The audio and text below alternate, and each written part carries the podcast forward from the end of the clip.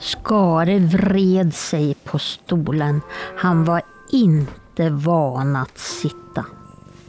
Katten strök sig mjukt mot det onda knät och fick en tillgiven klapp. Benet värkte efter yxans hugg och Skare grämde sig över olyckan. Han hörde hur fähuset städades, hur hästen ryktades inför julottan och han oroade sig för allt som inte blev gjort. Med stort besvär haltade han fram till höloftets enda fönster. Ett lätt snöfall pudrade taken och småfåglarna hade hittat kärven som drängen satt ut. Den var slarvigt bunden och ynglingen hade glömt det röda bandet som alltid brukade pryda gårdens julnek. Känslan av skam fick kinderna att hetta och Skare lutade pannan mot det svala glaset.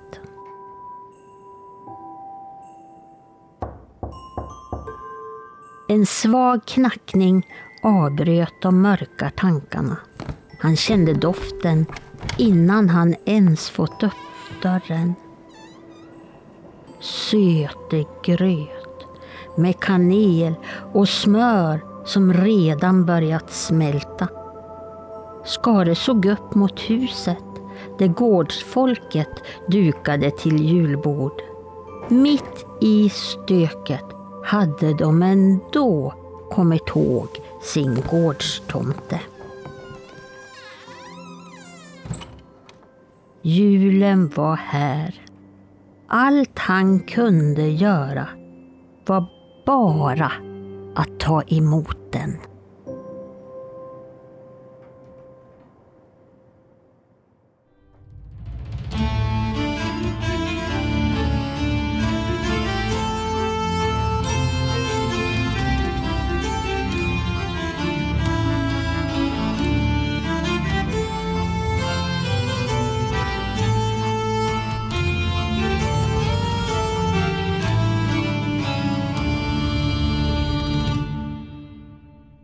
Hej och välkommen till När man talar om trollen med eh, mig, Lars Wahlström ifrån Oknytt och min eh, kunnige kumpan Tommy Kosela som är eh, doktor i religionshistoria. Hej Tommy!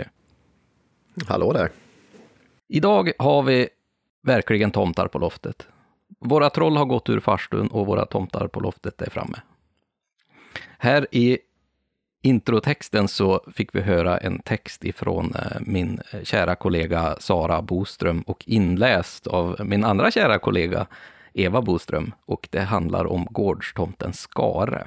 Eh, och den är skriven till en av våra tavlor som heter Sötegröt. Och det är ju just det vi ska prata om idag. Gårdstomten.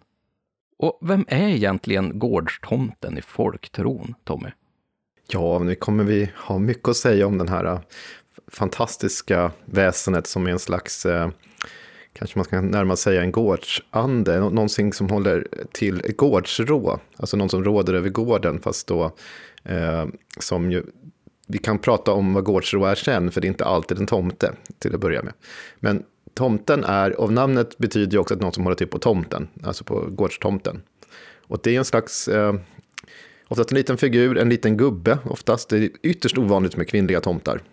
Vi har ju, det finns ju några exempel och vi kommer faktiskt stöta på ett senare i, idag i det här avsnittet. Men eh, tomten då eh, ser till att arbetet sköts på gården, han eh, håller hårt på den här arbetsmoralen och en ganska sträng figur som ser till att man inte super på söndagar och spelar kort eller att man eh, misshandlar djuren eller någonting annat. Utan man ska jobba hårt och flitigt och då belönas man av tomten som då hjälper till och drar så att säga eh, lycka till gården kan man säga. Alltså han, han fungerar som en slags garant för gårdslyckan om, om han mår bra och trivs så att säga. Hur ser han egentligen ut? När, när jag tänker på tomte så tänker mig en liten farbror som eh, har en liten röd luva och oftast långt skägg då kanske. Eh, men eh, hur beskrivs han i, i sägnerna och i berättartraditionen? Att det finns många olika beskrivningar av tomten. Och eh, oftast är den, det finns ju alltid från att tomten är så liten så han kan krypa genom nyckelhål, till att han är någon decimeter, kanske någon decimeter hög ibland. Och sen så, men det vanligaste är att han är som ett litet barn i, i längd, i storlek. Som ett, alltså en människokropp, alltså fast då som ett barn i längd. Kanske sjuåring eller sådär. Men han har oftast ändå gammal mans ansikte, ett forrat ansikte. Och då kan han vara med, både med och utan skägg. Det är inte alltid att han har skägg. Och eh, han är klädd i arbetarkläder, oftast i vadmal eller något sånt där. Det kan vara grått, det kan vara blått eller rött eller svart. Det är lite blandat eh, beroende på eh, vilket område det kommer ifrån exempelvis och sen också vilka som har berättats. Jag har själv nyligen skrivit, som precis har kommit ut här, en bok, eller i en bok då, som handlar om gårdstomten i Uppland. Och bara i Uppland så har det varit väldigt mycket olika beskrivningar hur tomten är klädd. Men oftast, det är mm. alltid i så fall är det arbetarkläder för att han är, en, han är hårt arbetande så att säga, i, i bondgården. Men så finns det också beskrivningar av tomten som kanske är mindre eh, kända, är att han ibland har bara ett enda öga istället för två. Då. Så han har ett enda öga mitt i pannan. Och det är ju kanske någonting annat än vad vi ser den här eh, fryntliga, glada tomten som pryder våra julkort. Den, jag har nog inte sett, jag kan på rak arm erinra mig, en tomte som har ett enda öga avbildat på sådana kort. Var kommer den där enögda grejen ifrån? Är, är det bara att han, man ska liksom utöka känslan av att han är, är magisk på något sätt? Jag skulle nästan tro det. Och sen kommer det förmodligen i det här någonting som har kommit via, vi har exempelvis i grekisk eh, berättelser eh, om, om cykloperna, kykloperna då, som ju är jättar fast med ett enda öga. Så det, det här med enögdhet finns beskrivet för övernaturliga väsen på andra håll i världen. Så att det är ju inte enkom tomten som har det här. Men det är förmodligen mm. det här ett drag som har kommit in. Och faktum är att nu finns det, jag hittade exempelvis exempel på enögda tomtar i Uppland då när jag skrev den här artikeln. Men eh, annars är det vanligare just i Norrland med en enögd tomte. Jag har Jaha. sett i, i upptäckterna än i andra delar av landet. Men det, det här är som med folkliga traditioner, att man kan inte liksom säga att det ser ut så där och så här, utan det är väldigt, eh, det liksom flyter in i varandra och enögdhet som sagt kan, kan även då, som, som jag själv såg då, komma i Uppland. Jag får ju en känsla av att tomten har funnits hos oss väldigt, väldigt länge. Eh, och vi har ju hittat tecken på att han kommer ända från medeltiden. I alla fall vissa traditioner kring tomten. Men hur länge har vi haft en tomte i folktron? Och var kom själva traditionen ifrån? Ja, det här är, det, det är ganska... Om man tänker, egentligen ska man dra tillbaka ännu längre om man kan jämföra med andra traditioner i världen. Som, om vi går tillbaka ett par tusen år i tiden till Indien, till de vediska traditionerna, så finns det där en slags figur som kallas för, nu får ni ursäkta eventuellt uttal här, men Bastopati som då är en slags naturen och plats, platsen, ställets herre så att säga. Och i vissa eh, i beskrivningar då i vedatexter så eh, sköter den här personen om avvärjer olyckor från boplatsen, och sköter om hästarna och korna, eh, ser till att de får längre livslängd och sådär. Så det, det, är ett väldigt tidigt tecken på någonting som påminner i alla fall om tomten. Och det här är alltså som sagt andra årtusendet före Kristus, så det är ju ganska gammalt. Och sen om vi eh, kommer in i Europa så det som kanske är närmast att jämföra med, för att det finns väsen som påminner om, om tomtar faktiskt överallt så att säga. Eh, det är inte inget unikt för eh, vår, våra traditioner här. Kanske utformningen blir annorlunda här då än andra håll. Men om man tittar då på romarna så finns det olika eh, figurer i romarriket som är eh, värda att nämna här. Den ena är larerna som är en slags alltså, platsernas eh, väktare som till och med hade små eh, monument och sånt där som man kunde ställa upp och hade en slags eh, kult till, till de här, en slags huskult till larerna. Och den här andra formen av så att säga, andra eller väsen som romarna också hade en slags tycks det som en huskult till vad de kallade penaterna. Penates, som då betyder de som bor i skafferiet ungefär. Så mm. att de har ju också sak, drag som då påminner om tomtarna, så det är också någonting som hör hemmet till. Men mm. framförallt tror jag att det är de här larerna, eller en lar som är då det, de ska säga, eh, väktarna, skyddsväsen över husområdet, som ju är kanske då den närmaste parallellen vi har, tycker jag, alltså i, i, i lite äldre, äldre tid. Men sen hur tomterna kommer till Sverige och till Norden, det är ju, det är ju vi kan ju inte veta om den äldsta historien, eftersom vi inte har några skriftliga källor som beskriver det här. Men vi vet åtminstone att eh, den heliga Birgitta beskriver tomtar, tomtagudi som hon säger. Och det här är, hon skriver om detta i, på två ställen i sina uppenbarelser och sen så också i Själens tröst eh, på fornsvenska båda. Och det här är då 1300-tal. Och hon är uppenbart då irriterad över den här som då är en slags övertro eller som hon då inte tycker är bra. För att tomtarna i tidiga texter då, och det här är katolsk tradition, likställs ju med någonting som har med djävulen att göra, som är villfarelse då från kyrkans sätt att se på det. Och då är det personer som faktiskt, och det här är väldigt intressant, för de här, det står inte jättemycket om de här tomtagudarna, eh, eh, men däremot så säger hon att man ställer ut saker till dem, att, de, att man offrar till dem och då är det mjölk. Då ställs de samman med tomtormar som ju också är någonting annat väldigt spännande som, som finns kvar i folktron långt senare. Så tomtormar och tomtar verkar finnas från 1300-talet, eh, omnämnda i Sverige. Och sen finns det ju fler källor om man så att säga går fram i tid. Någonting annat som är värt att titta på är ju Olaus Magnus, som var den sista katolska ärkebiskopen vi hade. Eller han då gick, så att säga, flydde ner till Rom med, i samband med att vi konverterade till protestantisk tro i Sverige.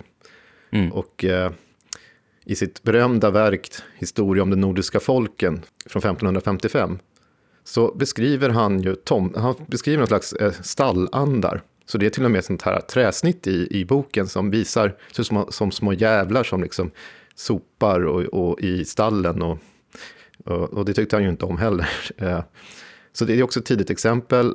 Och 1500-talet hittar vi också andra källor. Och då kan vi titta på våra grannländer. Vi har bland annat från Finland, då, som finländare som heter, en som heter Mikael Agrikola, som skrev om Tontu 1551. Och det här likställde ju han med äh, djävulen.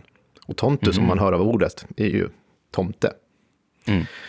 Och eh, samtidigt finns det då en dansk som heter Hans Lauritsen som skriver i sin själ, själebok, ursäkta, det ska man ju uttala på danska, det är jag inte så bra på, men själbok, själa, själabok då, från 1587, och då beskriver han någonting som heter puge, och det är djävul då, och vi har ju senare i svenskan också puke, som ju ja.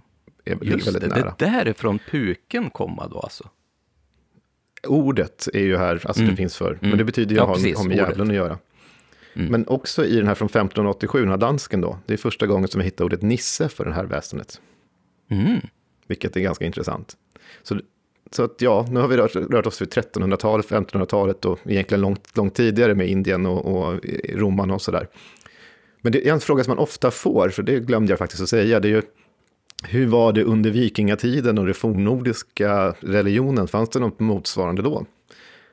Och det ligger ju nära till hands att tänka på att när heliga Birgitta på 1300-talet pratar om detta, då är det ju naturligtvis redan etablerat, någonting folk gör. Så att, eh, och då i muntlig tradition så är åtminstone kan man ju väl, låter det väl, är det väl rimligt att tänka sig åtminstone ett par hundra år tillbaka kan man ju tänka sig någonting som liksom är gott. Men vi vet ju inte riktigt om det här.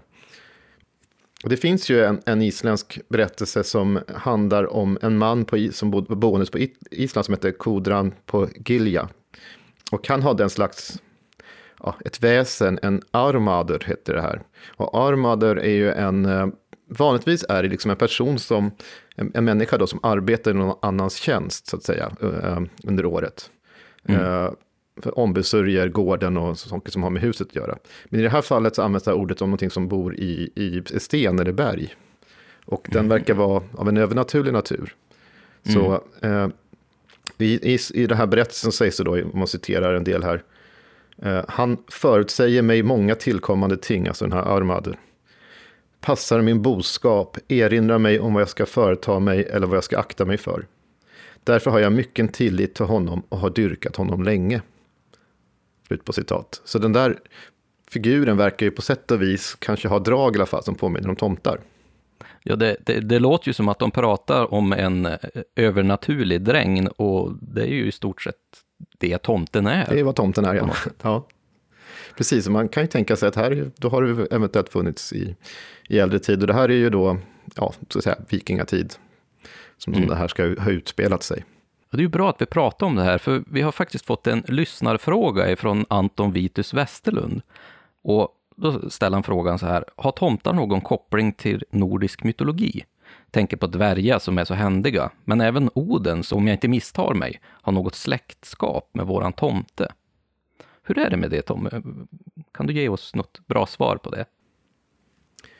Om jag bryter ner den här i två delar så skulle jag säga, med dvärgarna var ju ganska intressant. Det berättas ju bland annat om hur de uppstår i jorden, som, som maskar i jorden ungefär. Att de liksom finns som en del av naturen. Men det är intressant att säga att dvärgarna, för de finns ju också kvar senare i folktron, som smeder och mm. sådär. Så, så det, det, är faktiskt något som existerar senare. Så jag vet inte riktigt om man ska säga att de har med tomten att göra ändå. Det, jag tror, tror att det, man får nog skilja det lite grann. För att dvärgarna har inte heller någonting med, direkt med hemmen och gårdarna att göra. Sen, sen, kan det vara lite knepigt med Island, för de har inte heller haft samma alltså, djurhållning som man har haft i Skandinavien. Av mm. naturliga mm. skäl. Det är en helt annan miljö. Uh, den andra frågan om Oden, är ju någonting som vi kanske har lite anledning att komma tillbaka till på, mot slutet av det här avsnittet, eftersom vi kommer ju prata om jultomten. Jultomten och gårdstomten är olika saker, även om det finns drag av gårdstomten i jultomten. Men det här med Oden, det är någonting som har blivit populärt idag, eh, att försöka hitta likheter mellan Oden. Han har ett namn som heter Jolnir, bland annat, som ju ingår ordet jul. Eh, men jag skulle säga att det finns faktiskt inga samband mellan Oden och jultomten. Och det, det, framgår ganska klart faktiskt om man sätter sig in i hur jultomten har kommit till Sverige och vilka drag som ingår i den figuren. Det är ganska annorlunda mot Oden.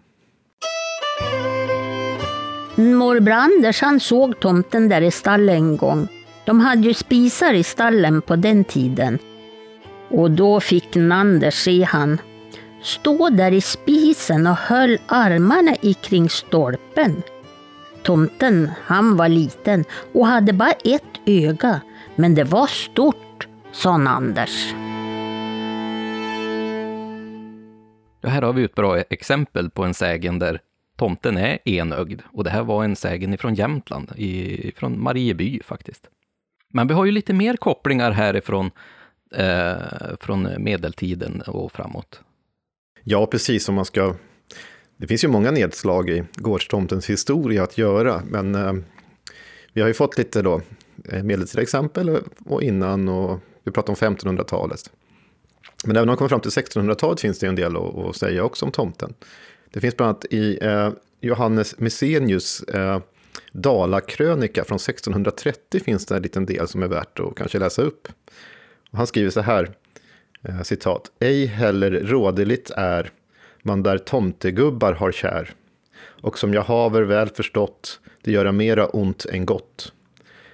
Bergsmän veta säga därav, som de har fört ofta i kvav.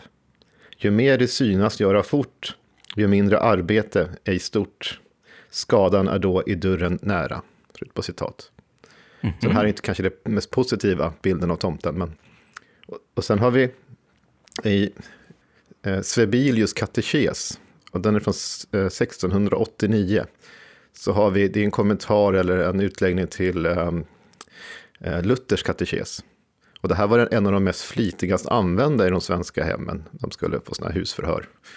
Och i den så finns det ett avsnitt som handlar om eh, övertro och eh, avgudadyrkan. Mm. Och det här är för att man ska, det ställs alltså frågor så finns det svar på de frågorna, för väldigt pedagogiskt på så sätt. Eh, och i en sån här fråga som exempel på avgudadyrka så listas det upp ett antal väsen faktiskt. Och skogsrå finns där, och, eh, men då finns tomtar med också. Så ja, det. det intressanta med detta är ju att, och, och, det finns ju många som tänker sig, har idéer om att okej, okay, nu kommer prästen här och, och, och, och, frågar. Och i den här boken, för man kanske inte gjorde alltid skillnad på det skrivna ordet över, överlag var ju väldigt laddat. Alla var ju inte läs och skrivkunniga. Och dessutom var det ännu mer så om det kom, om det, om det så en katekes, en psalmbok eller bibeln, allt det där var nästan heliga böcker. Så står det i den här boken att tomtar finns, för det är ju det den säger, som man kan tolka det, även om det är avgudadyrkan. Då, då, kanske, då blir det liksom en omvänd effekt, har en del tänkt sig. Att, ja, men då kanske det är lika bra att lyssna på vad de gamla har sagt och fortsätta mm. att respektera den här tomten. Så att, ja, risken är ju här, eller förmodligen blev det så att tomten blev liksom ännu starkare befäst i, i folkliga medvetandet. kyrkan har ju haft en, en stor aversion just till tomten. Varför har det varit så? Jag tror att kyrkan har inte tyckt om några av folktrons väsen. Det har ju liksom bara, enligt kyrkans sätt att se på saken så finns det ju bara Gud och det Gud tillåter. Och de här väsena har ju ingen plats där. Och det här är lite intressant, jag menar, en ganska vanlig sägentyp förklarar ju också uppkomsten till olika väsen. Så här kan man ju se hur, hur folk har blandat ihop kristna föreställningar med, alltså, och, och förklara varför olika väsen finns på olika platser. Och det är ju sån här idé då om att när Lucifer gjorde uppror i himlen så eh, blev utkastad och föll ner på jorden med de änglarna som, som ju var på hans sida. Eh, där de landade, om de landade, så, landade i skog så blev det till skogsrå, om de landade i bergen så kunde det bli troll. Men landade på eh, gårdarna, då blev det hustomtar, eller gårdstomtar. Det är en ganska vanlig sägentyp som vi finner från ganska många olika håll. Mm. Men tillbaka till frågan, ja, så finns det ju ganska mycket eh, från kyrkans håll som ju är riktat mot tomten. Men tomten var ju som sagt, tycks ju ha varit väldigt, väldigt populär. Väldigt, väldigt vanlig. Det är ju ett, ett väsen som vi har över, i alla landskap ganska mycket berättelser om. I våra folkminnesarkiv finns tusentals berättelser om gårdstomtar. Och det gäller ju våra grannländer också. Det är inte, här är ju ingenting speciellt för Sverige så. Alltså det är, Norge har ju också Nisse, alltså det är ganska vanligt väsen där. Samma sak i Danmark. Och vi har variationer även i Finland, både i så att säga äkta, riktig finsk tradition och sen även då den finlandssvenska då på västkusten och södra som där har Tontu och du har motsvarigheter som då är Haltia som är någon slags också andarväsen som också kan hålla till i, på gårdar. Så det, det, det, är super, det är väldigt spännande och det finns mycket skrivet som är riktat just mot tro på tomtar så att säga från folk. Man ska liksom avstå det och det finns ju också i senare i sägnerna kan man ju också se hur prästen så att säga bekämpar tomtarna har vi, har vi inte en ganska bra berättelse som handlar om en präst som försöker läsa bort en tomte? Det har vi absolut.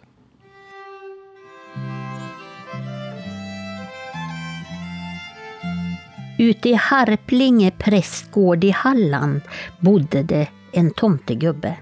Han hade bott där länge, före hela reformationen när den första lutherska prästen flyttade in. Den nye prästen la märke till att så ofta de hade hållit måltid tillsammans så var det alltid någon av drängarna som tog med sig mat ut ur huset. Prästen undrade för sig själv vem som skulle ha den maten. Så en kväll när de hade spisat tillsammans och han såg att drängarna plockade ihop mat från bordet så frågade han vilken som skulle ha den maten. De svarade att de plockade ihop till en dräng som hade varit länge på gården. Prästen frågade efter drängens namn och de svarade att han hette Koniste. Prästen lät att kalla på denna dräng och när Koniste kom in i prästgården frågade prästen honom vem det var som hade statt honom i tjänst vid gården. Koniste svarade att det var de förra prästerna som tidigare hade bott här på gården. Och när prästen undrade vad han gjorde med all maten som drängarna bar ut till honom, då blev han visad till en jordhåla i ett av uthusen där hade blandat ihop all maten. Prästen hade då frågat vad han skulle göra med all den sammanblandade maten i gropen och fick då till svar att med det hade prästen inget att göra och han skulle endast alena låta drängen få vara i fred. För då skulle ingen någon skada vederfaras. Då då förstod prästen att den gamle drängen måste vara ett djävulens verktyg. Därför frågade han var drängen var född och kommen ifrån. Men Koniste svarade att det var inget som prästen hade att göra med. Nästa morgon lät prästen kalla in allt sitt tjänstefolk till bön och morgonvard. Även tomtegubben blev inkallad. Då bönen hade hållits avslutade prästen med en särskild bön. Prästen ville att Gud skulle skilja denna elaka personen från gården. Efter den bönen blev tomtegubben förvandlad i en så förfärlig hamn och skepelse att de andra i husfolket blev rädda för honom. Men prästen sa, kära barn, rädde sig, han skall ej göra eder någon skada. Och så frågade han tomtegubben, var är du född och kommen ifrån? Och då svarade Koniste, jag är kommen från Nobis krog. Prästen pekade då på ett öppet fönster och sa Så far du då i Jesu namn dit där du ditt rätta hemvist haver. Och tomten försvann genom fönstret och lämnade en förfärlig ond stank efter sig i hela stugan. Men natten därpå bröt en eldsvåda ut i prästgården och hela gården lades i aska. Alla förstod ju att det var den arge fördrivne tomtegubbens fel att elden kommit lös. För alla som var där såg honom springa runt omkring hela våda elden och ropa Hoho, se så ska man handskas med den här prästen. Se så ska man handskas med den här prästen.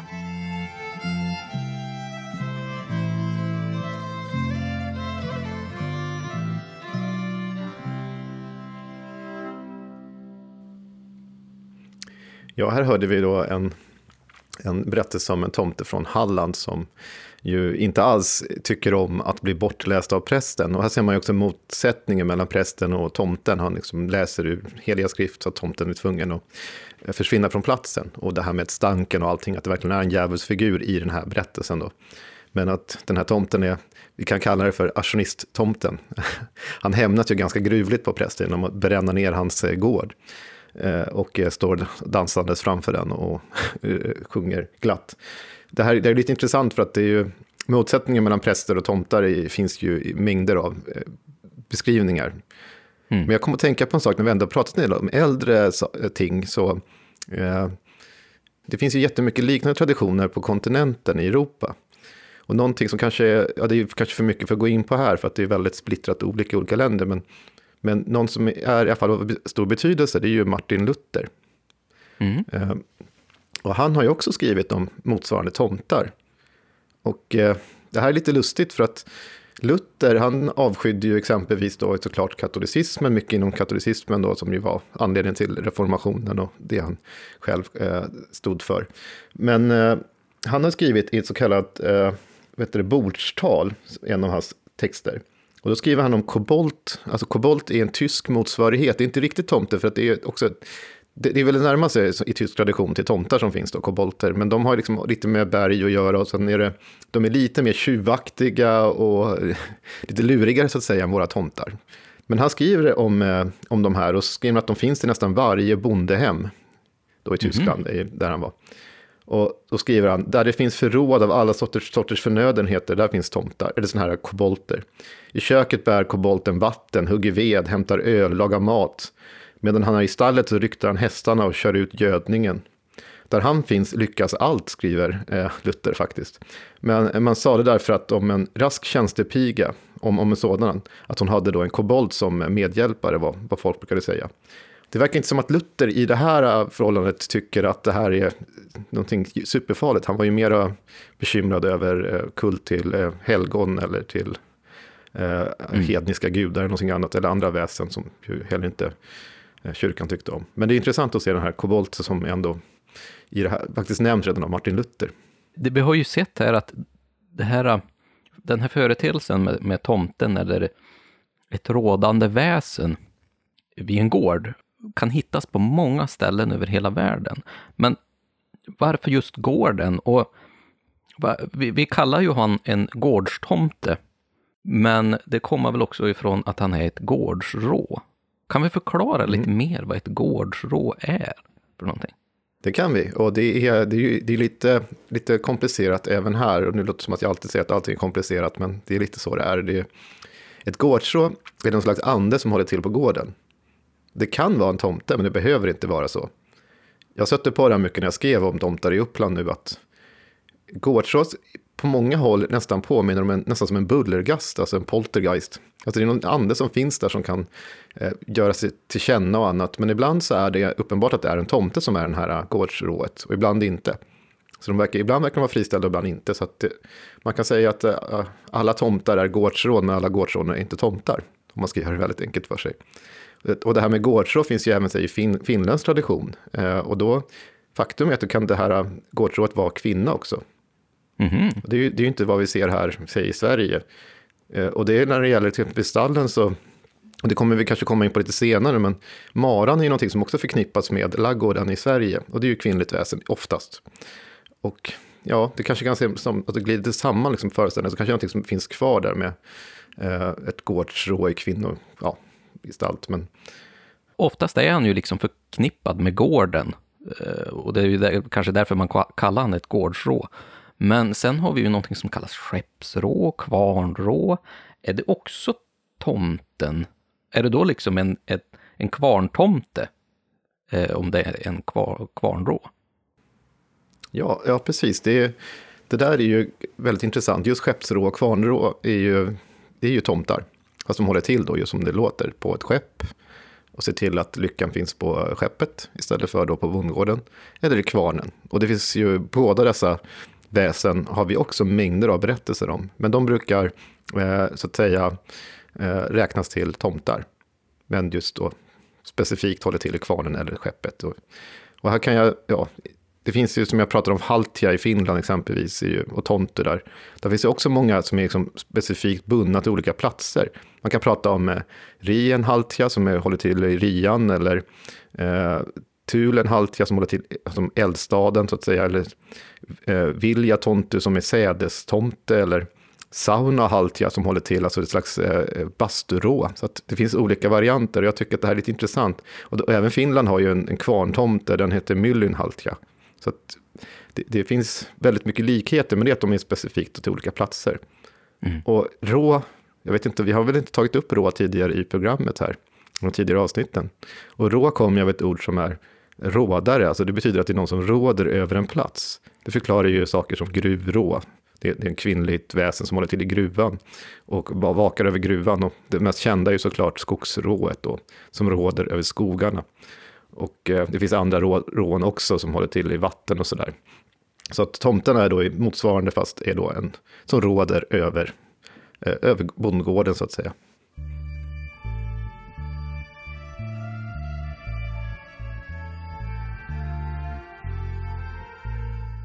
På en gård här i Säfsnäs fanns det en bonde som hade en tomte i stallet. Bonden behövde inte arbeta själv, utan tomten, han gjorde allt arbete. En kväll råkade han få se tomten. Han var liten, knappt en aln lång och hade röd toppluva på huvudet. Men kläderna, de var trasiga. Då gick bonden in i stugan och sa åt dem där inne att de skulle sy upp nya kläder åt tomten och det gjorde de. På morgonen la bonden ut de nya kläderna till tomten. Och sedan, då bonden gick till stallet, då var hästen inte ryktad och stallet var inte i ordning. Då bonden stod där och funderade kom tomten förbi och såg fin ut och sa Junke, han sopar inte idag, för Junke han är för grann. Och efter den dagen fick bonden minsann arbeta själv han i sitt stall.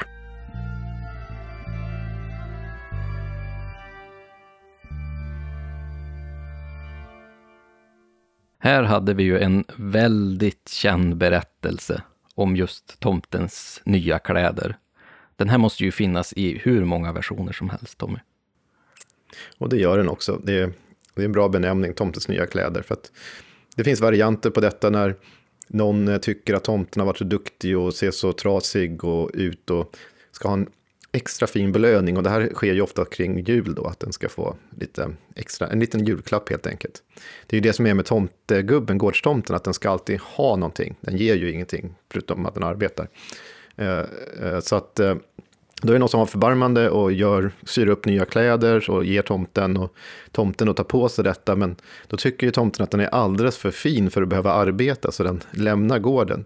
Och i en del av de här varianterna så återkommer tomten efter ett tag. Eh, då är de här kläderna trasiga och då söker han tjänst igen. Men det vanligaste Jaha. är ju faktiskt att, att tomten eh, sticker för gott och sticker tomten från gården, ja, men då, då försvinner ju också lyckan på gården. Det blir ju då märks ju verkligen av det här hårda arbetet som tomten annars utför. Det är ju en liten ovanlig berättelse också, för här har han ju faktiskt ett namn också. Man kallar inte han tomten eller tomtenissen, utan här kallar man han Junke.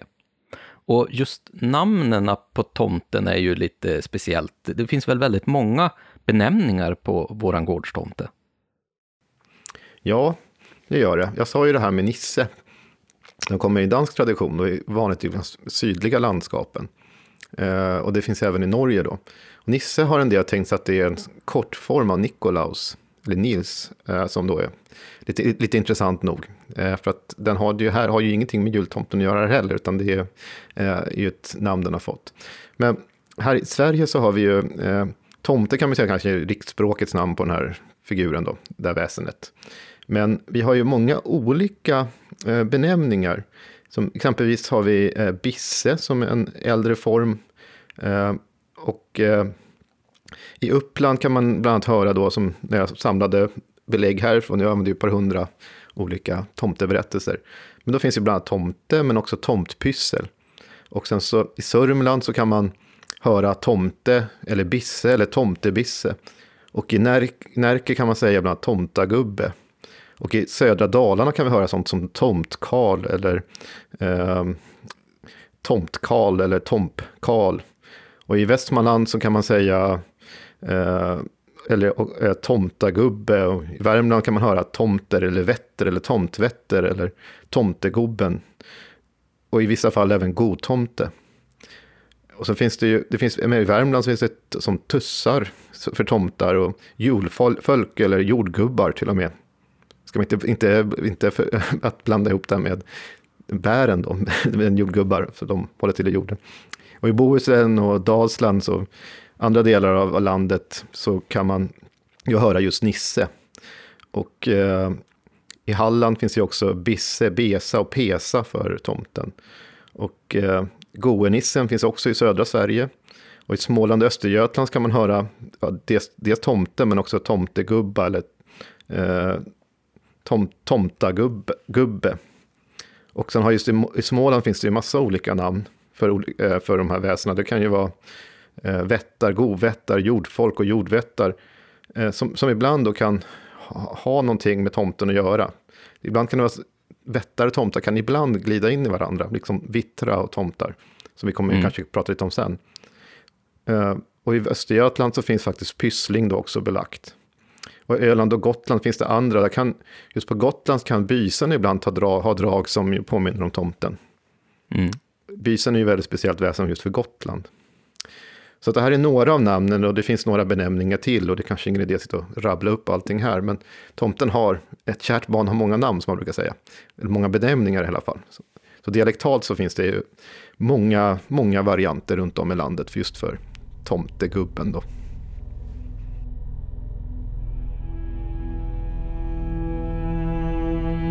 Min farfar, han brukade berätta om tomtar. En gång hade han och en kamrat gått upp i en lada för att skrämma några flickor som låg där. Men när de kom in i ladan hade farfars kamrat helt plötsligt börjat läsa böner. Både kamraten och farfar skyndade sig ut ur ladan. Farfar själv han såg inte något särskilt, men han förstod ju att det var något konstigt på färde eftersom kamraten läste böner. Efteråt berättade hans vän att han hade sett en liten gubbe som satt hopkrupen i ett hörn av ladan. Han hade röd mössa på huvudet, ett långt rött skägg, en stor näsa och han var gammal och skrynklig i ansiktet. Tomtegubben hade suttit helt still där i hörnet och bara tittat rakt fram.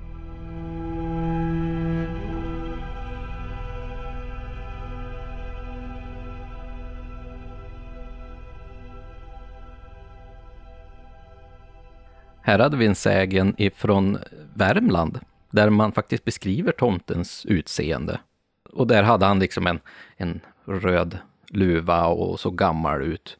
Men eh, skiljer tomtens utseende beroende på vart man är i landet någonstans? Ja, alltså det här är egentligen snarare så kallat eh, en självupplevd berättelse, alltså memorat, för att det är ju inte, den har inte den här formen som sägnen annars har. Så det här får man ju höra hur någon själv har Eh, upplevt tomten, vilket ju faktiskt är, jag tycker att det är oerhört eh, spännande, för att just de typen, den typen av berättelser kommer man väldigt nära, i alla fall personer menar sig ha upplevt och vad, vad de tycker sig ha sett. Och eh, här, det här ges ju nästan en ganska på gränsen till en skräckfylld upplevelse jag ser när, när, hon, när Eva läser det här så hör, kan jag så se det här framför mig och det blir ju lite spooky om man säger så. Den, tomten ser ju ganska skrämmande ut. Liksom.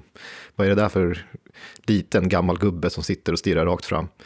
Men du frågade om utseendet här och ja, vi kan absolut säga att det kan skilja sig åt, men det är ju då, som jag sa tidigare, det är ju arbetskläderna, alltså bondgård, samma, samma sak kläder ungefär som drängarna har, alltså, alltså det hårt arbetande bonden har egentligen.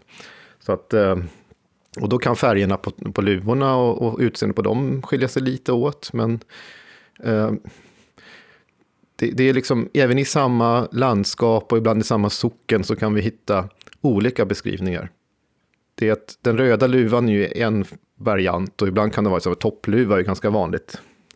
Eh, och, men ibland är den blå, ibland är den gråa kläder, som är ganska vanligt också. Så att eh, ett kort svar är att det skiljer sig åt även i, inom samma landskap. Och man ser nog inga jätteenorma skillnader på kläderna som då avviker från vad vanligt folk hade på sig, så att säga.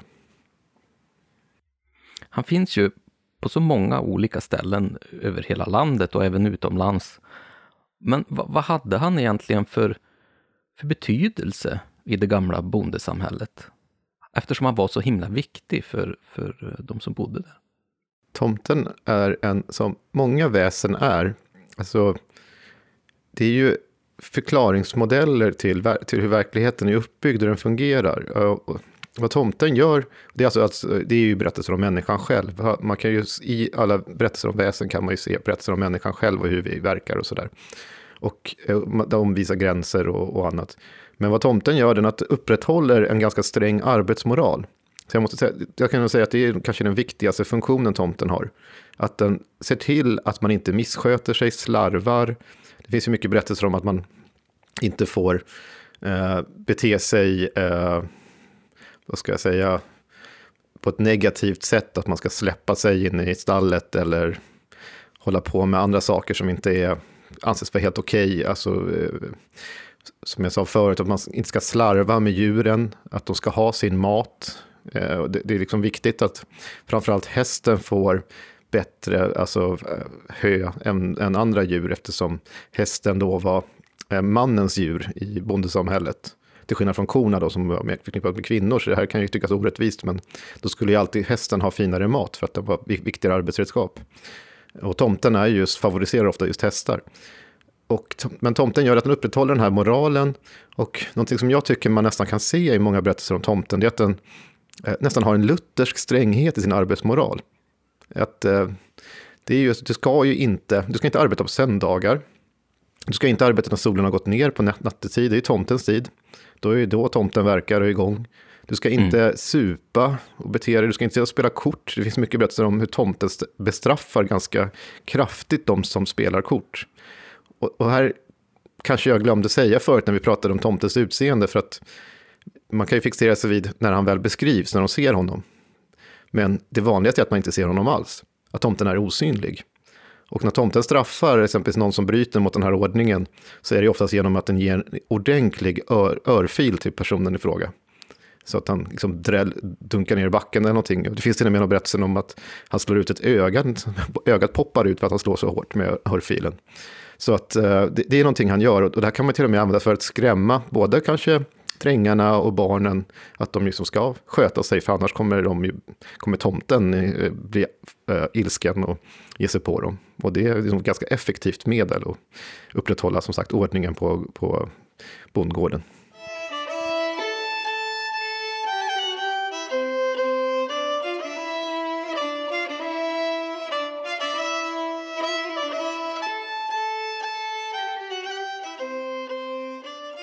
Är, är tomten förknippad till några speciella högtider på året? Det är ju oftast vi kanske, i dags eh, dato så brukar vi oftast kanske förknippa han med julen och juletid och presenter och snö. Men agerar han över hela tiden på året och var det några speciella tider eller högtider som man kanske aktade tomten lite extra? Ja, tomten, gårdstomten är aktiv året runt. Han vilar inte och eh, ska därför belönas för sitt hårda arbete. Och självklart så gäller detta även jultid. För tomten ska ha en del av julens läckerheter om man då ställer ut, som vi kanske känner igen, gröt och, och för att belöna tomten. Men det, tomten ska också ha belöningar i många fall. I väldigt många beskrivningar så är det ju, ja, ibland är det ganska ofta, nästan varje vecka, eller åtminstone vid de här stora högtiderna som kanske midsommar eller någonting, att då ska man visa sin Eh, Eh, sin uppskattning till tomtens, för tomtens hårda arbete. Och gör man inte det, det är ju att eh, eh inte visa honom respekt och vördnad och då kan han ju bli förbannad. Och, och det är ju det man vill till varje pris undvika. Man vill inte ha en arg tomte på gården, utan han ska, han ska arbeta och, och, och, vara på gott humör för att se till att allting flyter på som, som man har tänkt. Men, men svar på frågan är att tomten är aktiv året runt.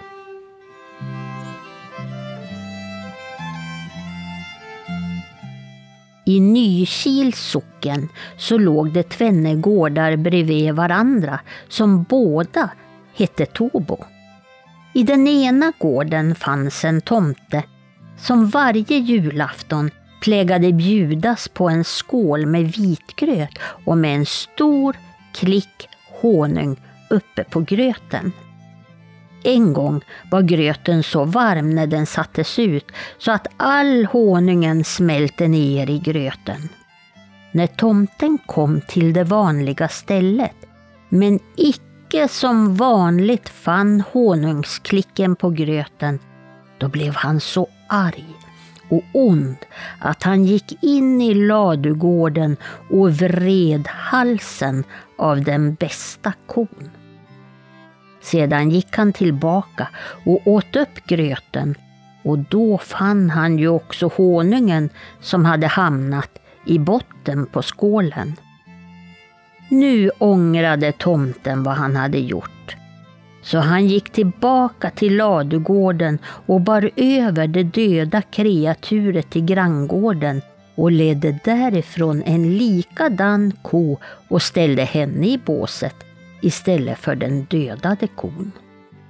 Men medan tomten var borta hade kvinnfolket på första stället varit i ladugården och sett att kobåset var tomt.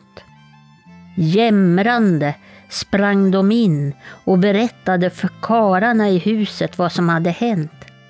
Men när kararna kom ut i fähuset, då stod ju där den försvunna kon livslevande i sitt bås och idisslade. Dagen efter fick man höra att en ko hade dött i granngården under natten. Och då förstod de hur allt hängde ihop och att det var tomten som hade gjort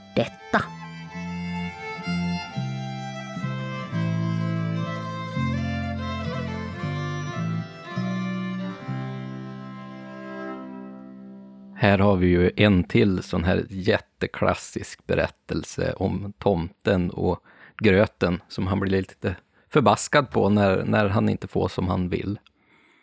Och just den här berättelsen var från Östergötland och den hade en, en, eh, en grej som inte jag har hört så ofta. Oftast är, handlar den här berättelsen om att det är smöret som smälter ner i gröten eller att den ligger under gröten för att pigan liksom ville skoja till det lite grann. Men här handlar det om att det var honung på gröten. Ja, det är precis som du säger. Det här är en sägentyp som vi känner igen från många håll och den här var en ganska bra eh, variant på den för att man den har liksom alla de här elementen som den här, den här sägen, sägen brukar ha. Men som du säger, här är det honung som är på toppen. Eh, smör är ju en vanlig, men det finns också sirap i en del fall. Det viktiga är ju att han ska få någonting extra, för den här, det söta som, som liksom tillsätts gröten är ju det som visar extra uppskattning.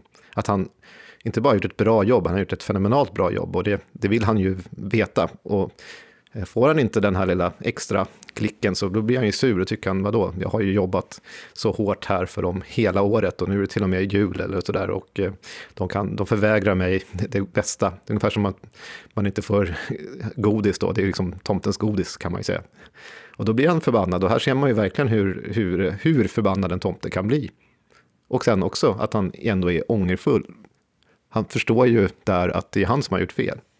Och, och då är det grannen som får lida för det dock, men det är ju det är så den här sägnen fungerar.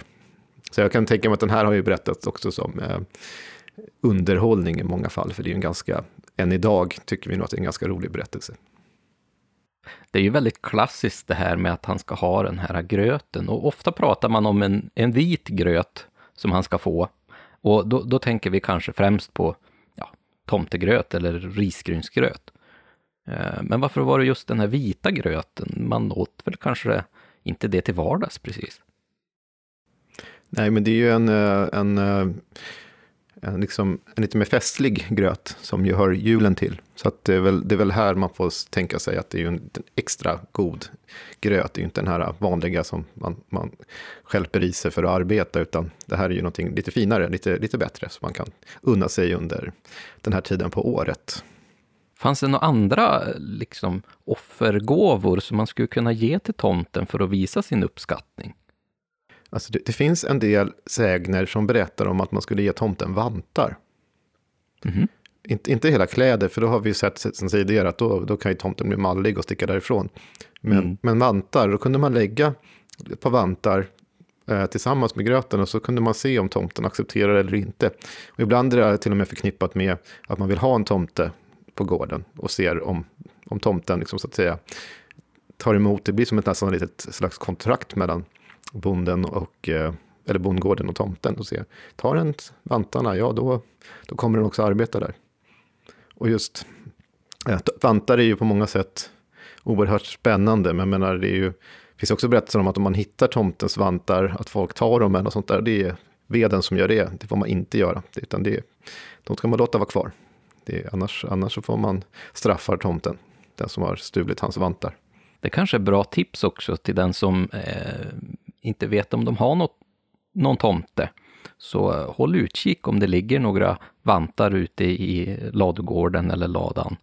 Och eh, är ni, vill ni ha en tomte så, ja, varför inte lägga ut ett eh, fint vantpar och så kanske de försvinner någon dag. Då vet ni att nu har ni fått en, en tomte i er tjänst.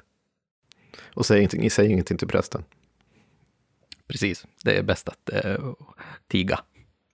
Den, den här traditionen med att offra till tomten måste väl vara ganska gammal, men eh, är det liksom en tradition som, som går längre tillbaka än tomten som väsen? Jag har för mig att jag läste någonstans att den här offergåvan som man ofta gör kunde faktiskt kopplas ända tillbaka till när man offrade till sina förfäder. Man off offrade till sina förfäders gravar för att de sedan inte skulle återkomma och eh, ställa till med besvär, utan man ville liksom se till att de skulle ha det bra i eftervärlden och att de inte skulle komma tillbaka och ställa oreda på gården. Alltså överhuvudtaget det här med att man ger en gåva eller ett offer till de övernaturliga är såklart gammal. Och idén om eh, en anfäderskult då, som är till eh, avlidna släktingar bakåt i tiden, finns det ju gott om exempel på, i, inte bara i Sverige utan världen över. Så att Men det finns ju också idéer om att tomten kan ha med en anfäderskult att göra. Men nu är man inne på olika teoribyggen som, eh, som ju... Ja, det, det, är ju, det är ju teorier just att de är svåra att säga om det verkligen var så eller inte, om tomten hör, hör ihop med det här eller inte. Men en del mm forskare i äldre tid har varit inne på det spåret i alla fall och försökt, försöker hitta ett samband här emellan.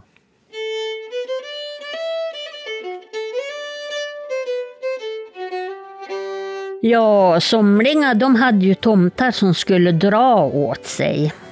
Och så då skulle käringa i gården då koka ett stort grötfat och sätta ut på ett visst ställe som han skulle ta av. Men det var någonstans det skulle ha skett att drängen förargade sig över det. Det var nog så lite av maten ändå på en del ställen så drängen han tog och gjorde sina ärenden dit i fatet då det var tomt. Och tomten han vart så arg så han drog därifrån gården sen och då, då vart det eländigt för dem där.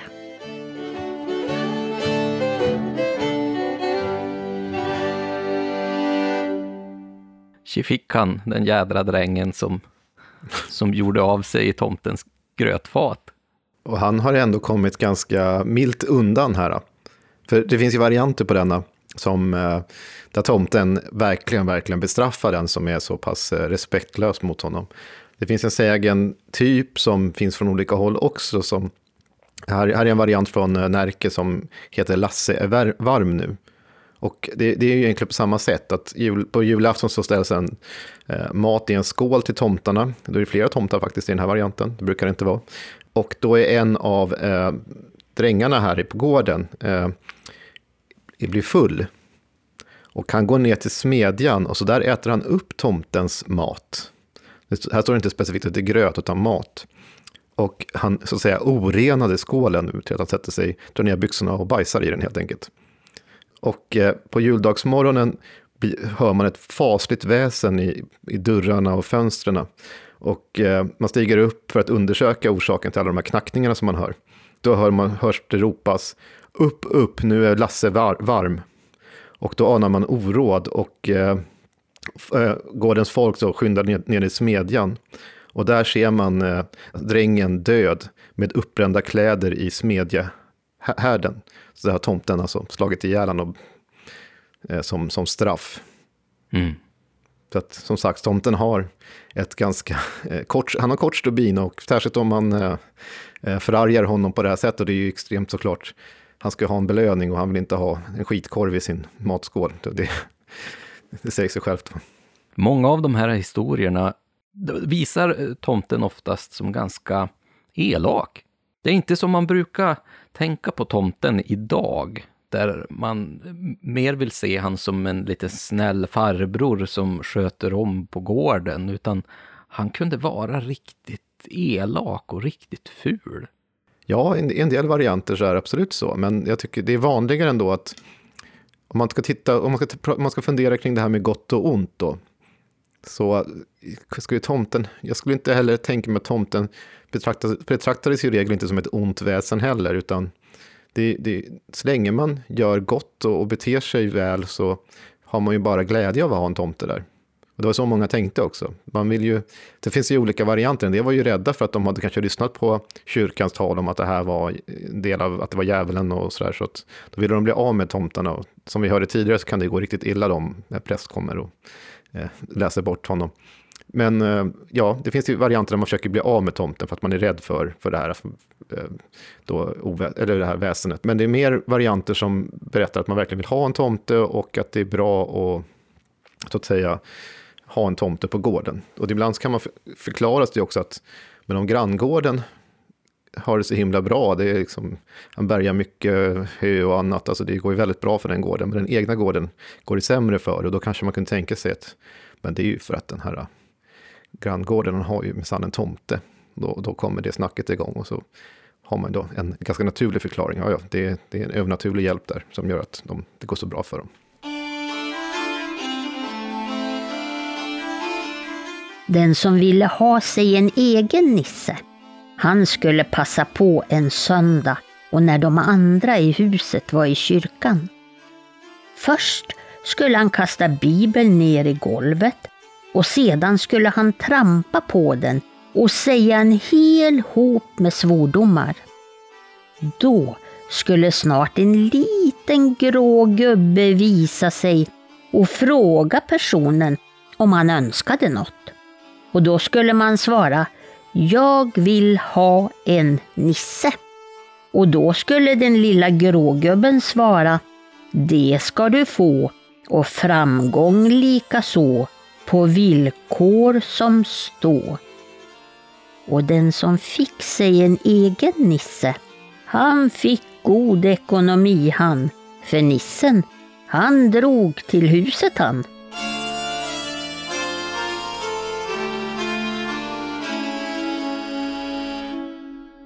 Och här hade vi ju ett bra exempel igen på en, eh, hur man, både hur man får en tomte och eh, lite tecken på att jo, men han har nog en tomte eftersom eh, de drog god ekonomi till, till huset. Och den här berättelsen var från Orust i Bohuslän. Ja, och det här med att skaffa sig en tomte är ju ganska spännande. Det är, har ju också, som så mycket annat, beskrivits på många olika sätt. Det kan vara som ibland finns en variant från Skåne där det räcker med att önska sig en gårdstomte eller en goa-nisse på julafton så ska han uppenbara sig och söka tjänst på gården. Men ofta är det som i den här, att man kanske ska göra någonting där man nästan förnedrar eh, de kristna orden eller visar någon slags förakt. Alltså då får man, det här kan man nästan se det diaboliska i, i det hela. Mm. I, ibland har det förklarats som att, nästan som ett slags eh, djävulskontrakt då, att man försvär sig och eh, till den onde eller något sånt där och får en tomt i sin tjänst. Det finns, det finns sådana varianter också. Men i andra så kan man köpa en tomt tillsammans med marken. Och, och så finns det varianter som jag tycker är ganska roliga. Det är, jag minns en berättelse, så är det, jag tror också den är från Halland. Det här avsnittet blir mycket Halland då. Eh, men då är det någon som åker över till Köpenhamn och eh, i Köpenhamn så berättas det att han går ner i en källare i en mystisk butik som är fylld med tomtar. Och så, pekar han, så köper han en tomte, så tar han, åker han med den hem och det kanske också finns någon slags ja, avvog inställning till danskar också i, i den här berättelsen. Men det, mm. så, så, då kunde man åka ner till den här mystiska källaren i Köpenhamn och köpa sig en tomte. Men ja, annars finns det ju väldigt många varianter men på, på att skaffa sig en tomte. Men hur vet man då att man har en tomte på gården om man, man misstänker det? Men eh, hur ser man tecknen? Det finns många olika tecken. Ja, dels är ju att arbetet flyter ju på. Oftast märker folk av om de blir av med tomten, för då kommer allting gå så mycket sämre. Men visst, du kan se tecken och det här eh, är ju lite spännande i sig för att tomten ibland favoriserar vissa djur framför andra. Och oftast är det en häst som tomten då tyr sig till lite extra som ska ve den som så att säga missköter den hästen eller till och med slår den eller ger den för lite mat för att då kan man ju få smällar av tomten. Eh, men du kan också se på den här hästen, ofta, oftast är det en häst då som på morgonen har så att säga eh, flätor i, i manen, så kallade tomteflätor.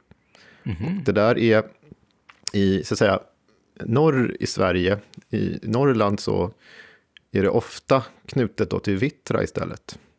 Att vittra gör de här flätorna. Men det är för att, eh, vi har varit inne på det förut någon gång, men att vissa väsen som bysen på Gotland eller vittra i, i Norrland är så kallade traditionsdominanter. De, de drar till sig eh, egenskaper som på andra håll brukar förknippas med kanske en tomte. Så det tar vittra liksom över de här delarna.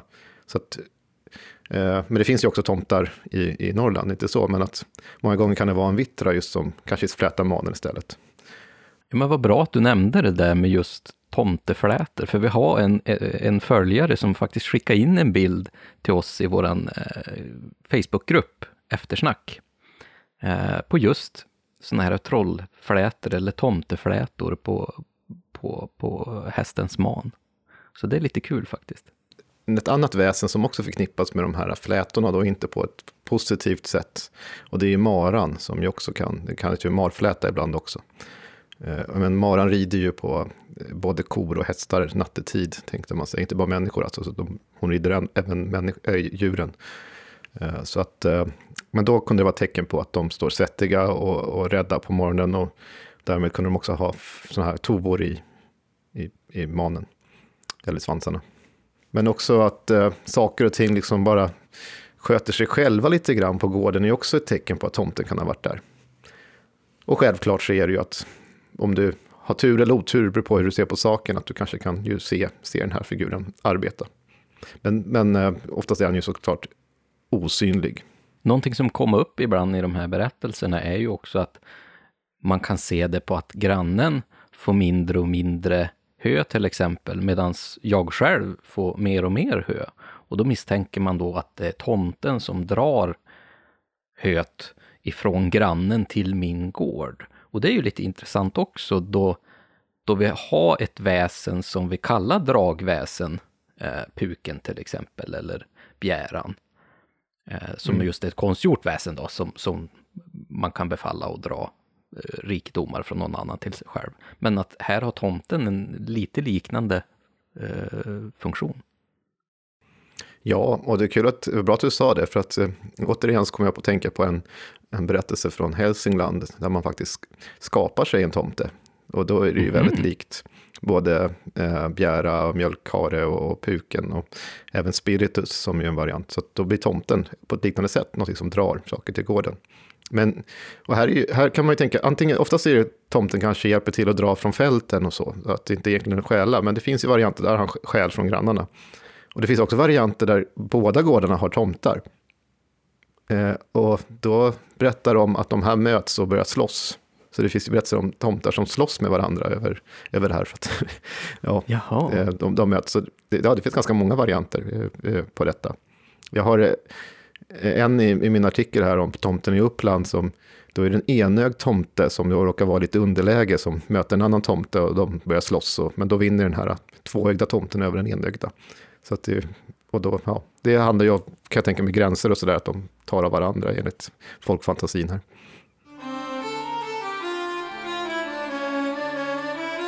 Farfan, han hade en bror som hette Anders. Och Anders var gift med en kvinna som hade tomtar med sig när hon kom flyttande till Svanvik i Undenäs socken.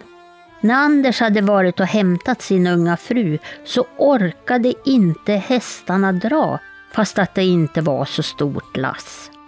Anders hade hört talas om att det kunde vara tomtar som stal i lasset eller lassa på.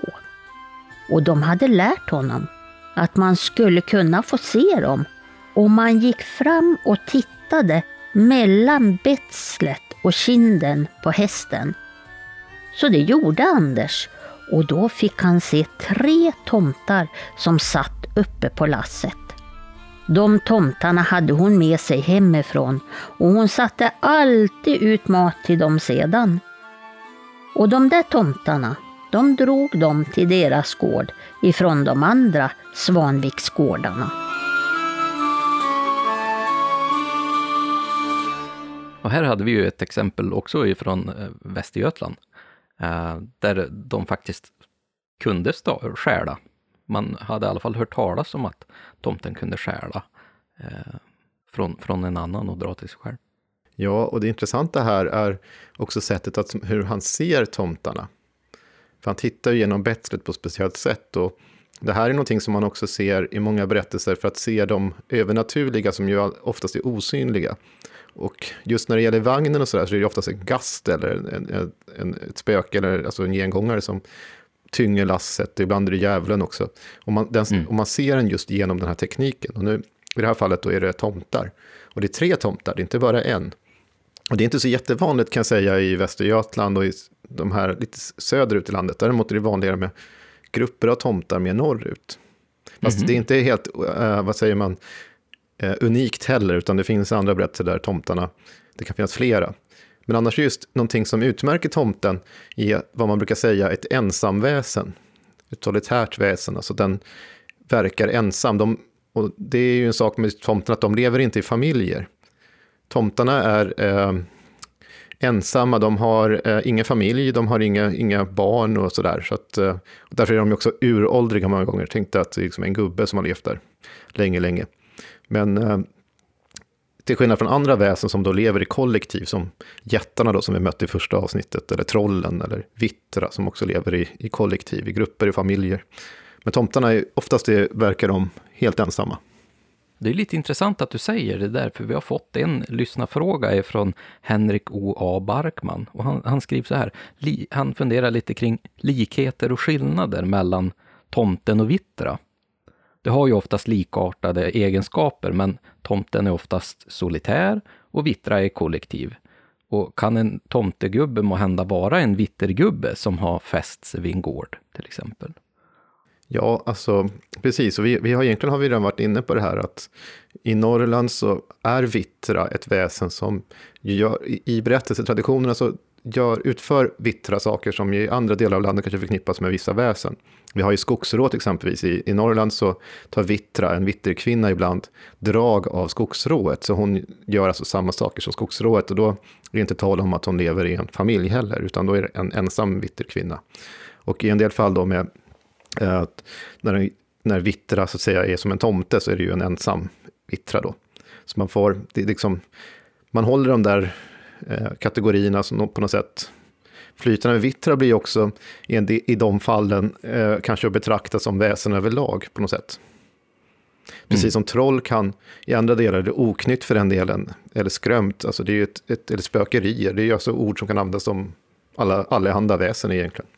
Mm. Och, eh, ja. Men det är intressant där med att just vissa väsen är tänkta att leva för sig själva. Och oftast är det rå, alltså, rå, alltså rån, om man säger så, rådare. Tomten är ett sånt, som vi sa. Skogsrået är ett annat. Lever, hon lever inte heller i familj. I vissa fall, lite sällsynta, så alltså har hon en, en man som man kan höra i skogen.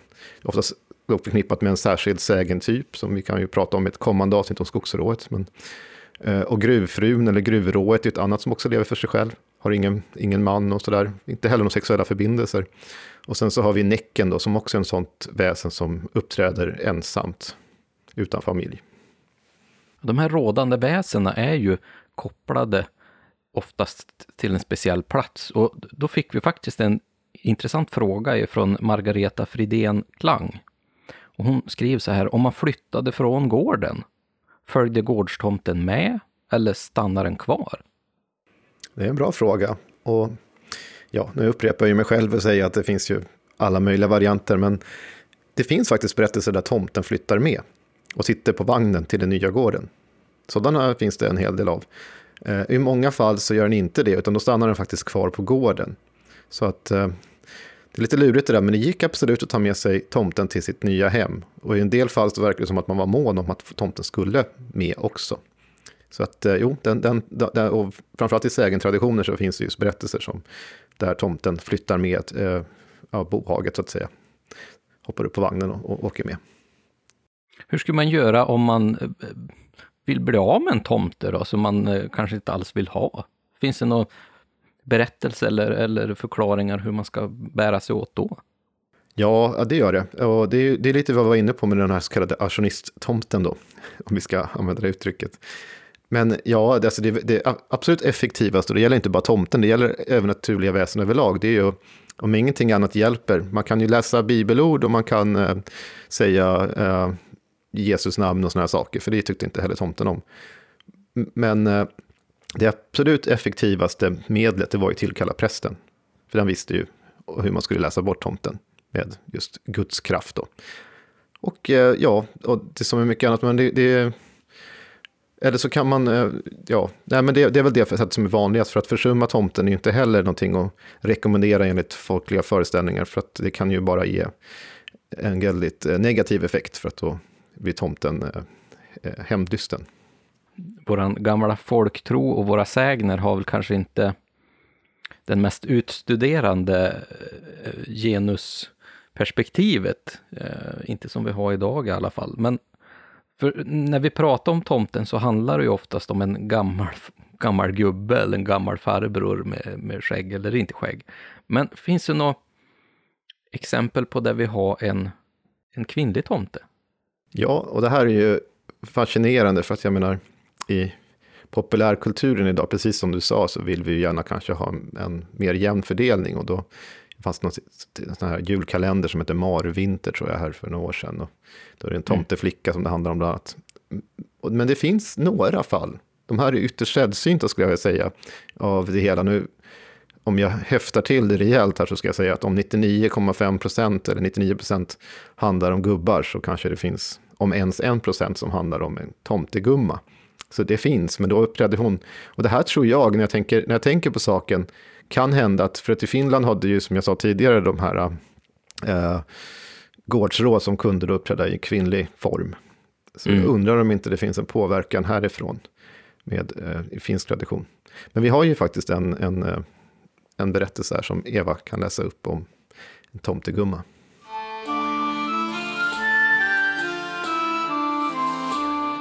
Detta hände på en bondgård där det bodde en familj som hade en dotter. Till den bonddottern kom en gång en tomteflicka. Tomteflicka sa till dottern Öppna på ladörren och det gjorde dottern. Tomteflickan hade lite hö i sitt förkläde och det höet kastade hon in i ladan och när hon hade kastat in det sa flickan som bodde på gården Kom med in så ska du få en kaka, för min mamma har bakat idag. Men tomteflickan ville inte gå med in. Då gick flickan in till mamman och tulade och grät och sa Det var en liten flicka här ute som gav mig lite hö och jag ville att hon skulle gå med in, men det ville inte hon. Då sa mamman till flickan att hon inte skulle bry sig om den där flickan och inte heller röra vid henne. För mamman, hon förstod ju vad det var. En kväll när mamman själv satt där i lagon och mjölkade hörde hon hur fåren började att bräka. Och rätt som det var så såg hon en liten flicka som gav fåren hö genom grinden till fårkätten. Då sa hon till flickan som hon trodde var hennes egen dotter. Du får inte ge fåren hö, vi har så ont om det. Det angår inte dig vad jag gör, sa tomteflickan. För det här höet, det har jag tagit till prästens havrestubba.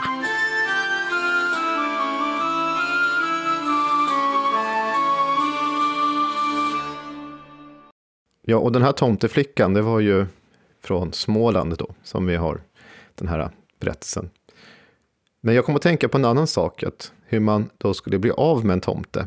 Så finns det mm. ju ytterligare några roliga uppgifter som, eh, bland annat finns det från Bohuslän en berättelse om en, eh, dels använder man sig av prästen, men så finns det också en, en variant där en piga eh, på gården ser till att skrämma bort tomten. Och då gör hon så här att hon eh, slog kjolen över sitt huvud. Och hon böjer sig bakåt och så går hon på händerna och, äh, händer och fötter emot nissen. Och han, han, blir då så rädd så att han rymde från gården. det, det, är ett sätt att göra. och, och, en annan variant som är ganska grym, det, det, det kommer från äh, Västmanland bland annat. Eh, mm. eller ja, från Västmanland just för att jag har inte sett den uppgiften någon annanstans heller. Men där säger det att en gumma, hon bränner sin tomte. Hon bränner upp Oj. honom. Ja, och hon vill bli av med honom och så därför la hon ner honom i en bytta och kastade både honom och byttan i elden med orden Nu fick du fett, fan du. Så eh, den här varianten finns ju även kanske, i, finns ju också från Danmark, men i Sverige så har jag inte sett den någon annanstans. Mm. Och så finns det ytterligare en variant då från Uppland som eh, förklarar då att ett sätt att bli av med tomten, det var att sluta ge honom mat under längre tid. Och då vill han ju inte heller arbeta. Då, då till slut mm. Jag menar, då kanske man riskerar att, uh, att han slår ihjäl korna först. Då. Det, framgår inte av den här berättelsen, men, men uh, till slut så ger han upp. Det är ju ingen mening att jobba om man inte får någon belöning. Ja. Har tomten några speciella eller oväntade egenskaper som vi sällan brukar prata om? Ja, alltså jag vet inte om man, kanske man brukar prata om, men någonting som är väldigt typiskt med tomten, det är ju hans enorma styrka. Att han, det så finns det berättelser om hur man, ja, vi pratade om det förut när han släpar en döda kon till granngården och tar, eh, tar en ny ko och släpper tillbaka. Och föreställer vi oss tomten som, som ett litet barn så bär han ju den här korna ovanför sig i luften och då är han ju urstark. Och det finns också mm. berättelser om tomtar som blir förbannade på drängar eller någonting och kastar dem upp i luften så att liksom bollar dem nästan till andra gårdar. Eh, och så finns det också sådana här sägner som har liksom på annat håll förknippats med ett skogsrå eller så. Att den kommer och drar, om den ser två personer ligga eh, och sova som är olika längd så vill han göra dem lika långa. Så tar han antingen och drar ut den ena så att den kommer, blir till samma längd som den andra. Det här är ju egentligen en gammal grekiskt motiv som finns i grekiska berättelser från början. Men, eh, så det är ju lite, och sen finns det också varianter där tomten alltså, kommer och drar av täcket på folk som sover. Mm -hmm. Det här är som jag tänker idag så är det här något som man kanske förknippar med skräckfilmer eller spöken idag. Men det ja. finns också berättat om tomtar att de gör samma sak. De liksom bara jäklas helt enkelt i vissa fall. Och det är ju, ja, det, det är inte jättevanligt men det finns, finns en del sådana berättelser. Och så finns det också berättelser om att tomten håller till och det är kanske inte, det är väl någonting som också hör till de sydliga landskapen, att tomten kan så att säga bo under träd på gården. Mm -hmm. som, eh, oftast är det då vårdträdet då som finns på gården. Och så finns det, det kanske inte heller man pratar så jättemycket om, men det är ju att tomten ibland bor inne, antingen på vinden, eh, oftast är det laggården då, stallet som man tänker på, tomten, fähuset då helt enkelt. Men han kan också bo inne i köket, alltså i, bakom spisen i en del fall, eller uppe på vinden. Och någonting som också är ovanligt då med tomtar, det är att tomten hör ju verkligen bondgården till. Det är mm. liksom ett typiskt väsen för bondgården. Och då blir det också när människan rör sig mot tätorter och städer och sådär så, så får inte tomten längre någon funktion att fylla. Så att, men det här är också någonting, och jag hittade just det från Uppland då, eh, mitt i Uppsala faktiskt, då finns det en, en, en berättelse om en, ett bageri som hade tomtar på vinden som hjälpte till med arbetet på, i bageriet. Men det är lite, en ganska ovanlig uppgift. Men, ja. men annars är just tomten någonting som hör landsbygden och, och bondgårdarna till. Mm. Jag vet inte om det är utmärkande drag, men jo, det är väl kanske ingenting man brukar tänka på, att tomtar inne i stan.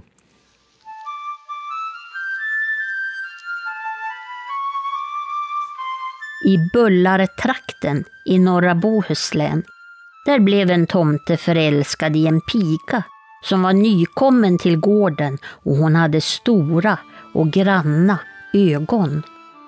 Pigan hon trolovade sig med en pojke från byn och då blev tomten helt förtvivlad. Han förde ett hemskt oväsen utanför huset. En dag var flickan försvunnen och fästmannen gick för att söka överallt efter henne. Till slut hittade han henne drunknad nere vid sjöstranden.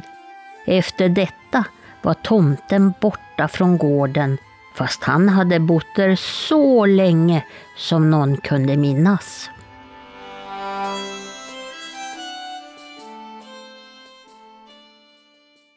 Ja du Tommy, nu kommer vi ju till den här punkten som eh, jag tror många av våra lyssnar och suttit och väntat länge på. Vi har ju utlovat lite tomtesnusk också i det här avsnittet.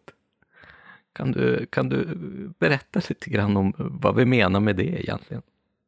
Ja, alltså det här, tomten är ett väsen som oftast inte förknippas med erotik överhuvudtaget. Uh, men det finns, och det här är ett väldigt ovanligt, uh, att uh, det finns berättelser om sexuella relationer då mellan piga på gården och tomten. Och det betyder ju sexuella möten då. Så det är väl det som man får tänka sig skulle vara en motsvarighet till tomtesnusk. Och det är ju, man kan ju tänka så här, och det är, det är också spekulationer som har varit och idéer om att människor, det här, det här är ju en tid också där kärlek utanför äktenskapet, alltså eh, samlag, var ju inte tillåtet. Eh, onani var inte heller tillåtet till, till att börja med. Och det här gäller ju många, både män och kvinnor, som då eh, berättar om olika möten med väsen då, som får uppfylla de här eh, sexuella fantasierna kan man säga då, i, i deras berättelser. Och det är så tänker om skogsrå, och vi tänker så om Näcken, och det är ju, där är det ganska vanliga motiv så att säga. Att, eh, de har eh, samlag med varandra enligt berättelserna. Till och med det är människor som drogs inför rätta för detta eh, i, i Sverige och till och med avrättades i ett par fall.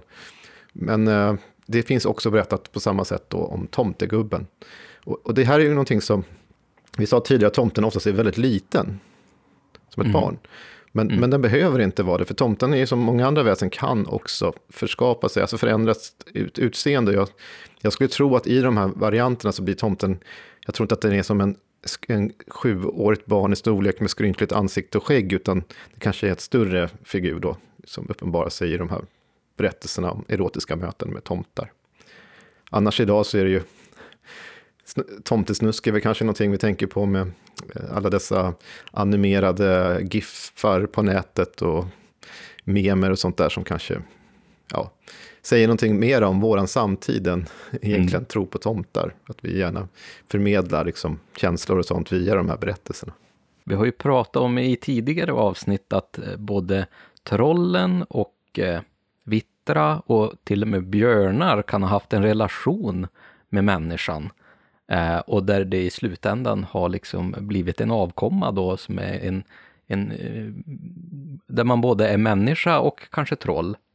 Finns det några liknande berättelser kring tomten, där tomten har haft relation med en människa där de till slut har fått barn? Nej, inte vad jag kan komma på, på rak arm. Alltså, det, är, det här med de här mötena av sexuell natur eller erotisk natur är ju ytterst ovanliga. Och inte typiska alls egentligen för tomteberättelser. Så att, eh, och jag kan inte minnas alls att det finns några alltså halvtomtar, skulle man kunna säga. Däremot finns det som du sa här med eh, jättar och, och troll och sånt där. Att man är då att man är ättling till eh, jätte och en människa. Och hon förklarar varför man är extra stark och så. Men eh, om tomtar har jag inget, inget jag kan dra mig till minnes.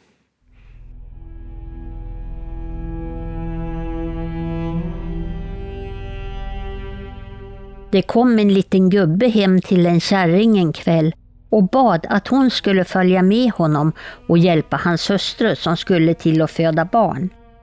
Kärringen tog på sig huvudduken och så gick de ut tillsammans. Rätt som det var kom de fram till en dörr. Där innanför såg det ut precis som det brukar se ut hos folk. När allt sammans var färdigt fick gumman en salva som hon skulle smörja det lilla barnet med. Hon smörjde in barnet med salvan men så tog hon också en liten klick av salvan och smörjde på sitt vänstra öga innan hon gick hem. Sedan så såg hon samma tomte varje dag.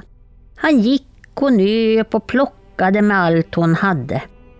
En dag då hon mötte honom så frågade hon hur det stod till. Hur kan du se mig? sa tomten. Jo, sa gumman, jag smörjde mig lite på ögat med din salva. Men då blev tomten arg och rev ut det vänstra ögat på kärringen.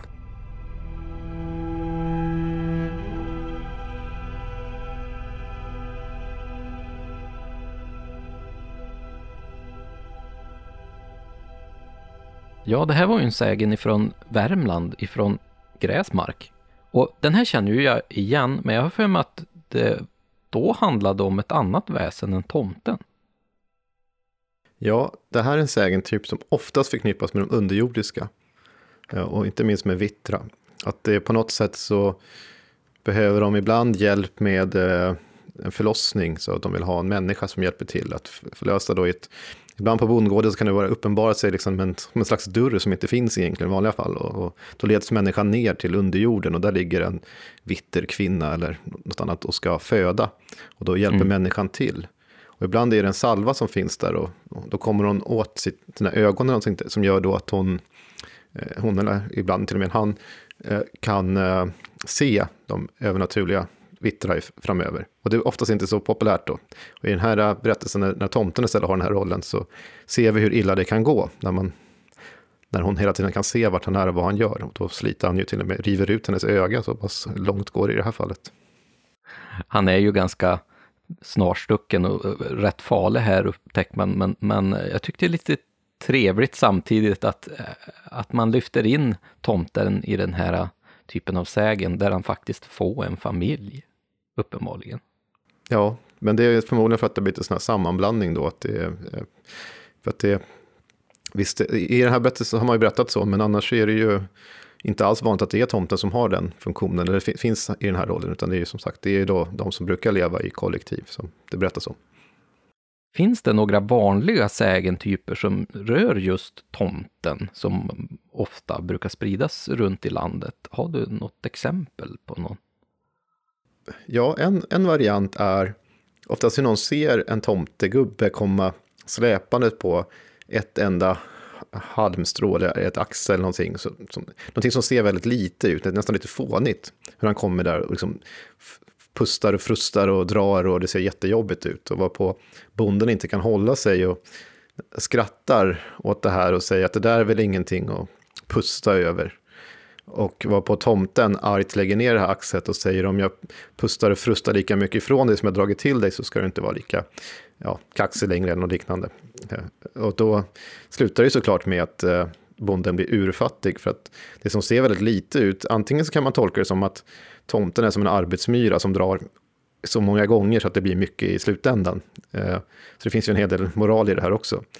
Eller så är det att det mesta är osynligt så det, inte, det andra syns inte. Men på huvud, eh, huvudidén är ju att tomten samlar på sig och gör ett oerhört arbete egentligen. Och så om man då hånar, vilket det är i det här fallet, i den här sägentypen, att man hånar eh, tomten så, så, så, får man ju faktiskt igen för det. Då, då blir man i alla dessa varianter urfattig i slutändan. Och det finns också en annan nästan, nästan variant på detta när tomten drar någonting och sen så ser några drängar detta. Och på ett eller annat sätt så lär de tomten att men, du behöver inte dra så där hela tiden, utan de, de ligger och vilar någonstans och, och då liksom visar de tomten hur man faktiskt kan släppa arbetet ett tag och sätta sig och vila. Och det skulle de inte ha gjort. För en tomte som lär sig att vila, han slutar ju arbeta, för det är ju bra mycket skönare att bara sitta och slappa någonstans än att hålla på och slita och dra hela tiden. Så att det är också en typ som visar på att man då inte ska, ja, att det, ja, det kanske säger mer om eh, lata drängar än om tomtar egentligen.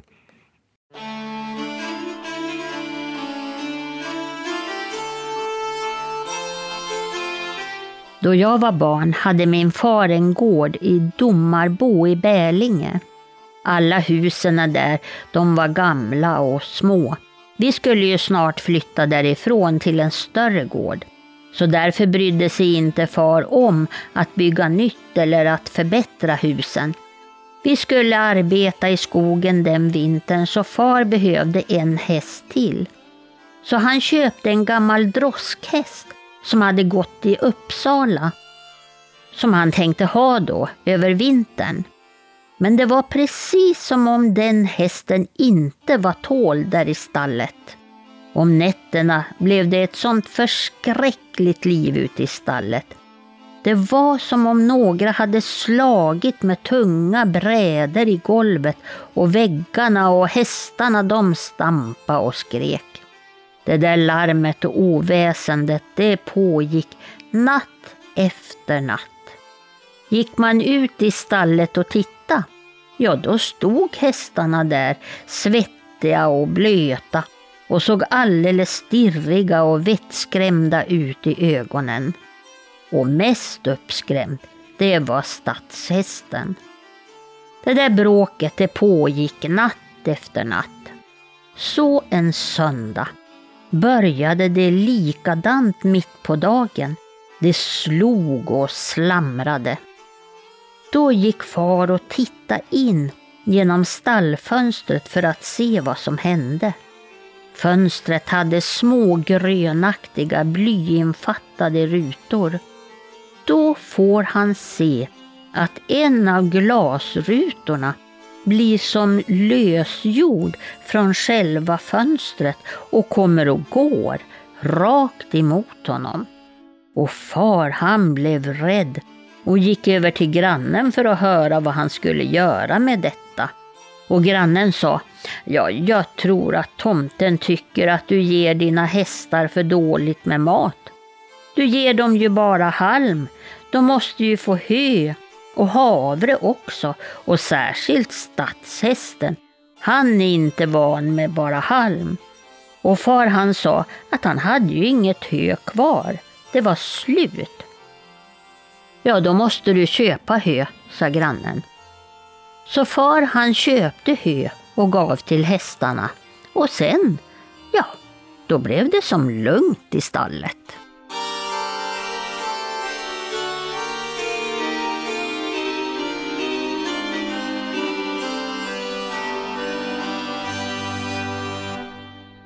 Här hade vi ju ett bra exempel på hur eh, tomtens relation är till djuren och då främst hästen då som verkar vara speciellt förknippad med tomten. Hur är egentligen relationen djuren på gården och tomten? Ja, alltså som, som vi hörde här och som vi har sagt ett par tillfällen här är att särskilt hästarna är ju någonting som tomten hade ett extra gott öga för, eller till. Uh, ibland så har färgen på hästen spelat roll. Att tomten tycker om en viss färg på hästen och det här kan ju också variera. Och ibland är det bara en av hästarna han tycker särskilt mycket om och uh, kanske inte tycker om de andra. Men, men det finns även berättelser om att tomten kan ta hand om korna eller andra djur så att han sköter mycket av arbetet och det är inte så konstigt att man håller till just i, i, i fähusen då så att säga. Men vi sa lite grann om, om det här med ett, ett, ett tomtflätor förut. Mm. Och många gånger har det tagits som ett gott tecken, betyder att tomten kanske tycker särskilt mycket om den här hästen. Men inte alla gånger, för ibland så är det faktiskt raka motsatsen. Att han inte tycker om den hästen.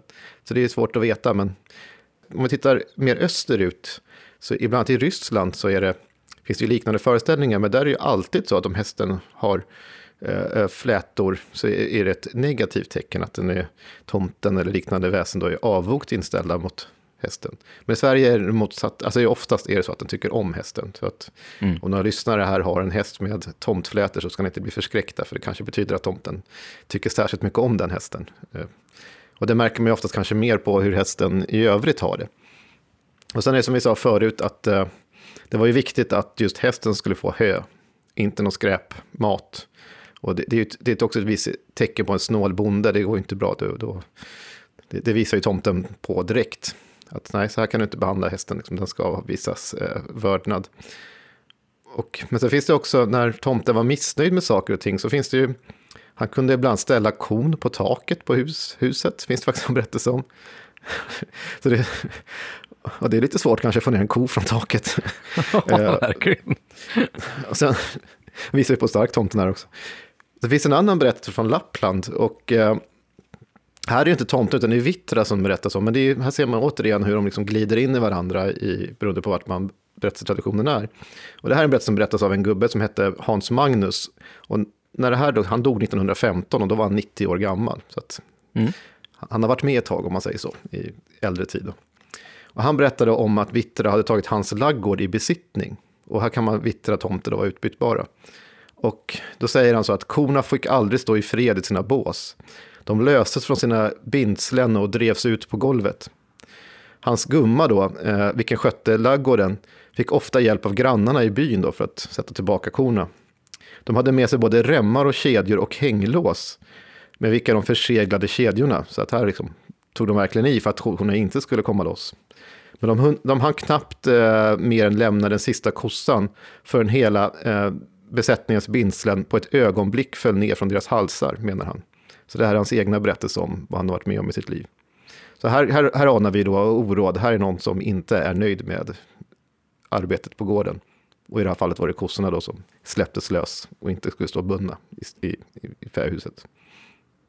Ja, det finns också berättelser, jag kommer att tänka på med djur på gården. Det finns faktiskt varianter att hunden och, eller tomten och hunden är inte alltid överens. Mm. Ibland är de det, ibland inte. Men det finns berättelser också om när folk bussar hundar på tomtar. Och det, är ju, det brukar ju inte vara så populärt då såklart. Djuren har ju en väldigt stor funktion i i alla fall det gamla bondesamhället, att man ska ta hand om djuren, för de är ju väldigt viktiga för gården och bidrar med mat och speciellt då hästen som är kanske ditt främsta verktyg på gården. Och då är det ju jätteviktigt att du tar hand om just hästen. Och då är ju tomten en bra eh, liksom riktmärke. Han, han ser till att du verkligen ska sköta dina djur och då ska drängarna göra som tomten tycker. För annars så går det ju dåligt för gården om, om hästen mår dåligt eller om korna inte kan mjölka ordentligt. Liksom. Och där har vi ju återigen den här tanken på tomten som en upprätthållare av moralen och sådär, eh, arbetsordningen på gården. Att mm. djuren är precis som du sa här, det är ju det kan absolut betraktas som gårdens livsnerv på många sätt. Utan dem så är det väldigt få saker som fungerar. Och utan hästen eller ja, i andra fall också oxen som drar så finns det ju, då går det inte att plöja på åken ordentligt och det är svårt att frakta saker och det, det, det fungerar helt enkelt inte. Så att djuren är livsviktiga. Och tomten är också med ibland om det går väldigt väl vid kalvning av, alltså kan tomten också hjälpa till. Det finns också några berättelser om. Som också visar ytterligare på tomtens eh, roll som en arbetare på gården.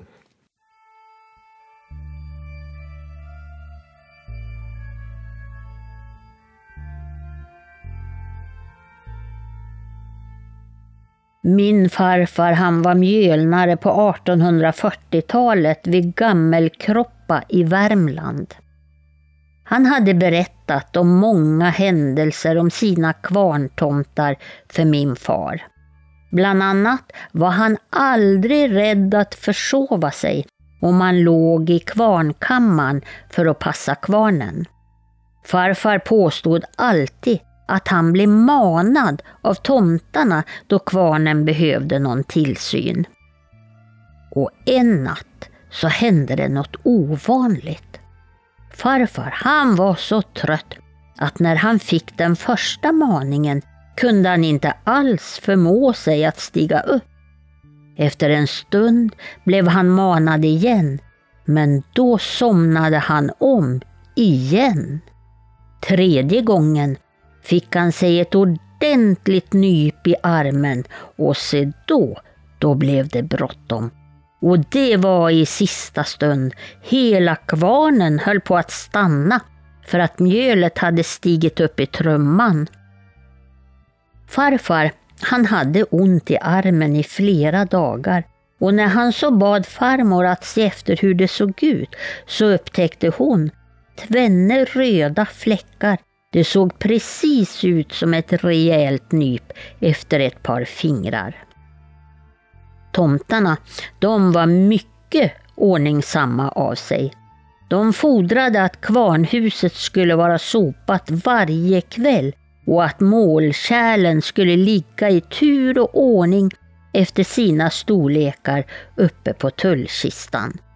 Hade drängarna någon gång slarvat med det här, ja då blev det ett fasligt väsen fram på natten. Man hörde ända in i kammaren hur kvastarna kastades omkring på golvet och hur tomtarna slamrade och slog med målkärlen. Gick man då bara ut och sopade rent och ställde var sak på sin plats, ja, då blev det tyst igen.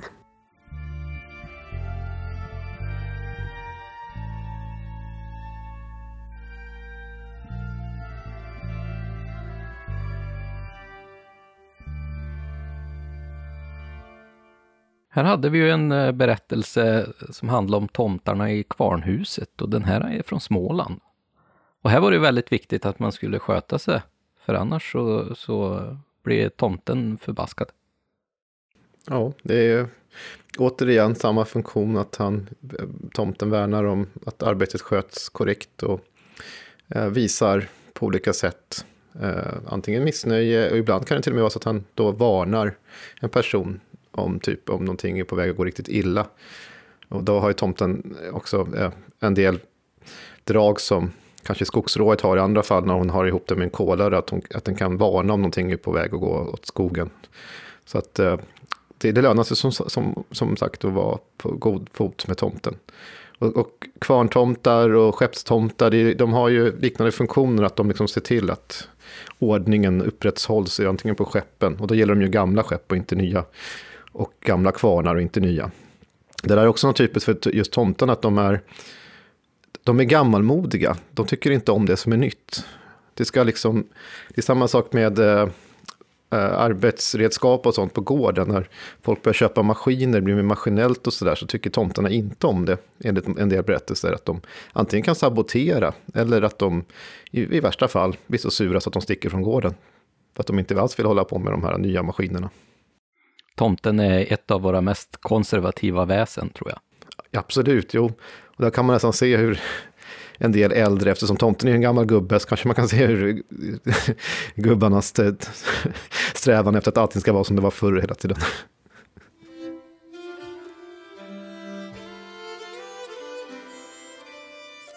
En gång kom en liten gråklädd pojk med en röd mössa in till en fattig kärring och frågade om han kunde få tjänster.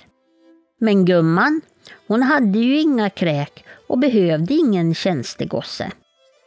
Men om natten blev det ett fasligt väsen uppe på loftet. Kärringen slog då med käppen i taket och ropade Tyst! Men då blev nissen så förargad så han slog ut en hel skål ärtor över golvet.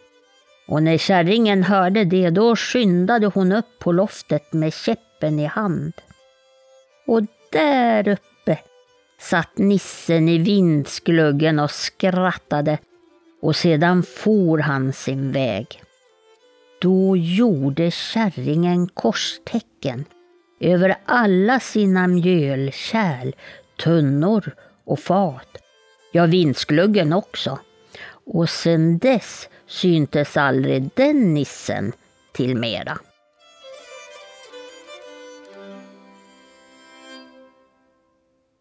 Ja, man ska absolut inte vara elak mot tomten. Då blir han förbannad. Ja, och det, det, precis. Och det här är ju också intressant för att hon har ju inga djur och hon har ju ingen sån typ av gård. Och då tycker hon inte heller att det finns någon anledning att ha en tomte. Det är det som är lite poängen här. Men då försöker han nu hitta på andra saker att göra och då blir hon arg. Och då kan man nästan se om man bor i lägenheten och sånt där hur en jobbig granne har en lite för, för livat party eller musikvåningen ovanför som man står med kvasten och, och dunkar i taket, slår i taket. Den, den, är väldigt rolig för man kan, den är väldigt beskrivande. Man kan verkligen se den här förbaskade kärringen bli sur på den här tomten som lever om så hemskt. Han står där och slår med kvasten i taket och liksom tyst.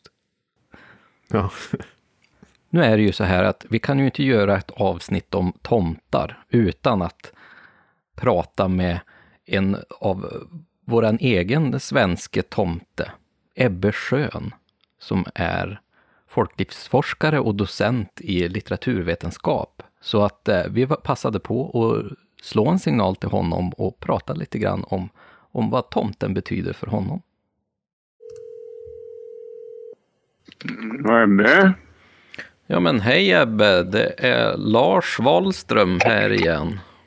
Ja, ja hejsan. Hur är det med dig idag? Eh, det är grått eh, ute men inte inne tycker jag. Ja men det är ju bra. Skönt att sitta inne när det regnar och är bedrövligt så. Ja precis. Hur är det med dig själv då? Jo då, det är bara bra. Jag tittar ut och det är blå himmel. Är det faktiskt idag. Orättvist ja. Det Ja. ser man. Du som har forskat inom ämnet så otroligt länge och har skrivit väldigt mycket om tomten så misstänker jag att tomten betyder väldigt mycket för dig. Varför gör den det? Vad är det med tomten som fascinerar dig, Ebbe? Ja, det är det att det är inte jag som bestämmer den, den saken utan det är, det är floran av berättelser. Eh, det måste jag ju vara snäll och rätta, mig- rätta mig efter. Och dessutom tycker jag det är en härlig figur man har lyckats plocka ihop genom århundradena. Eh, och eh, den har både positiva sidor och negativa sidor vad gäller värderingen av människan. Det, det handlar väldigt mycket om en, spegelbild. Och sen eh, får man också säga att tomtegubben är ju i regel inte ensam.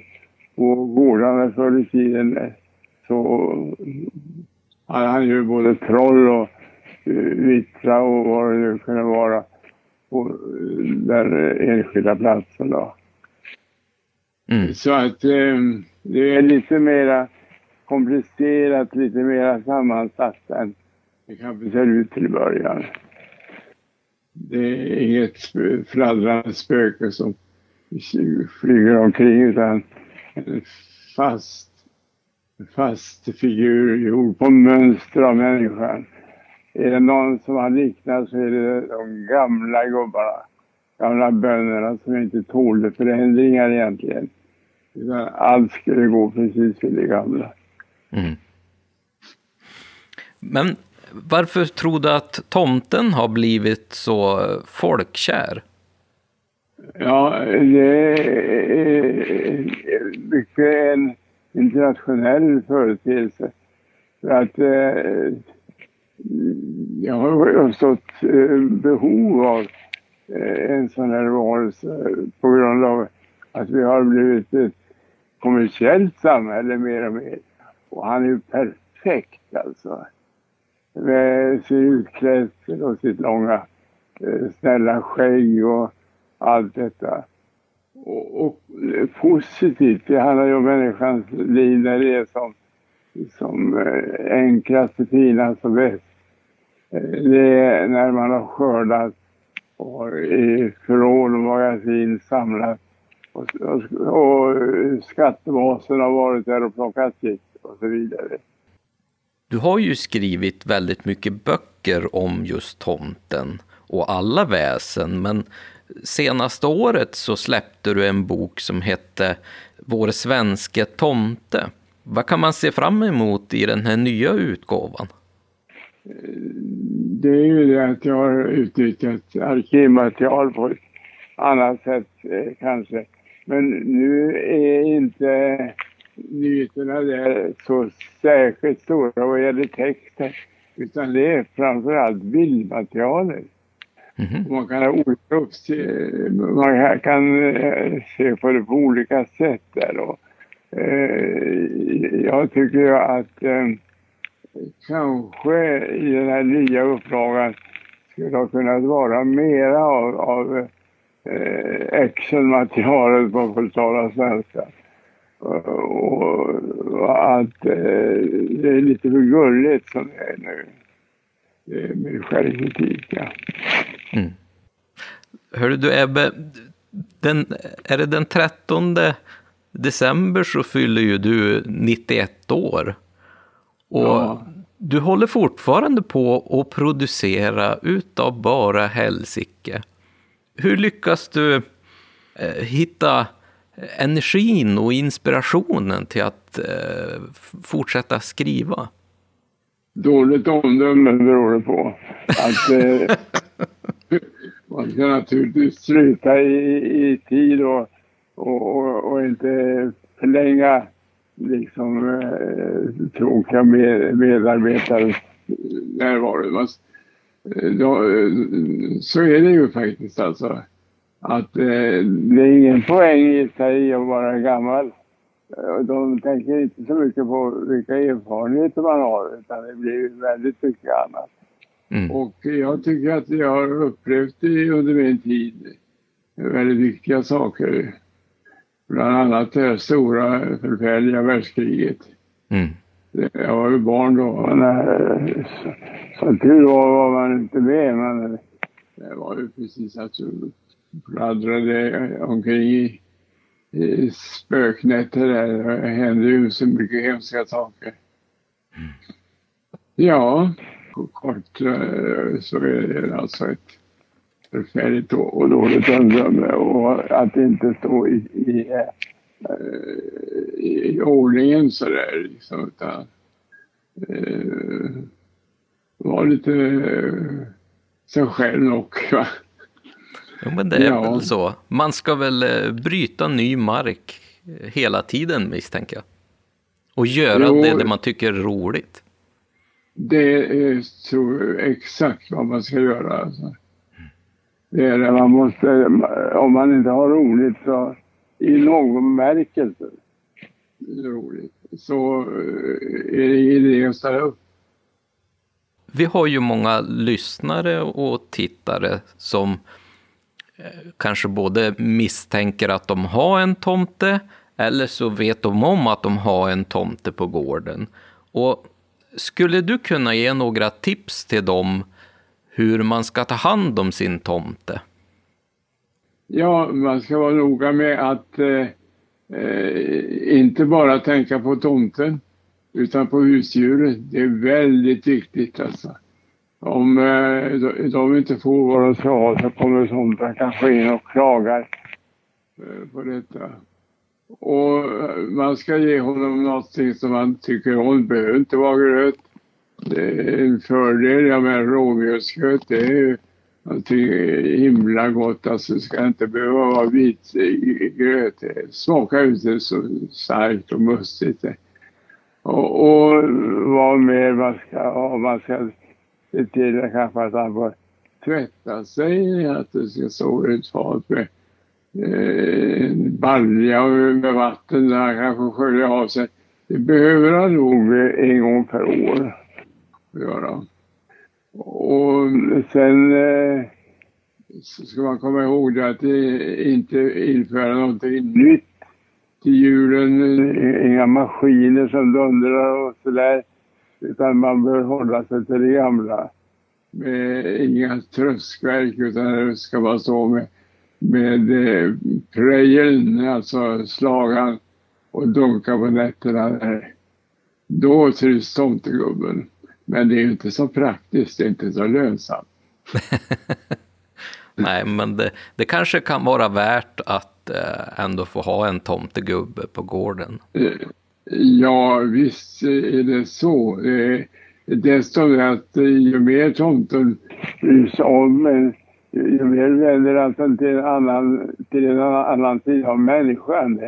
Den magiska sidan, fantasiens jag och sånt. Mm. Och det är en rikedom i det.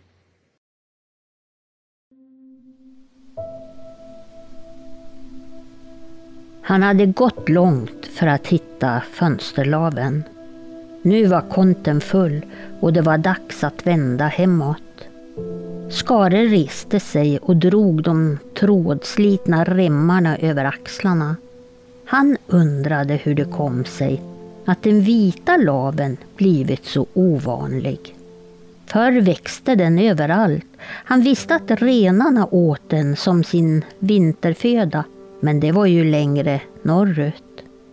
Själv använde han laven för att täta mellan fönstren i stallet och på höloftet.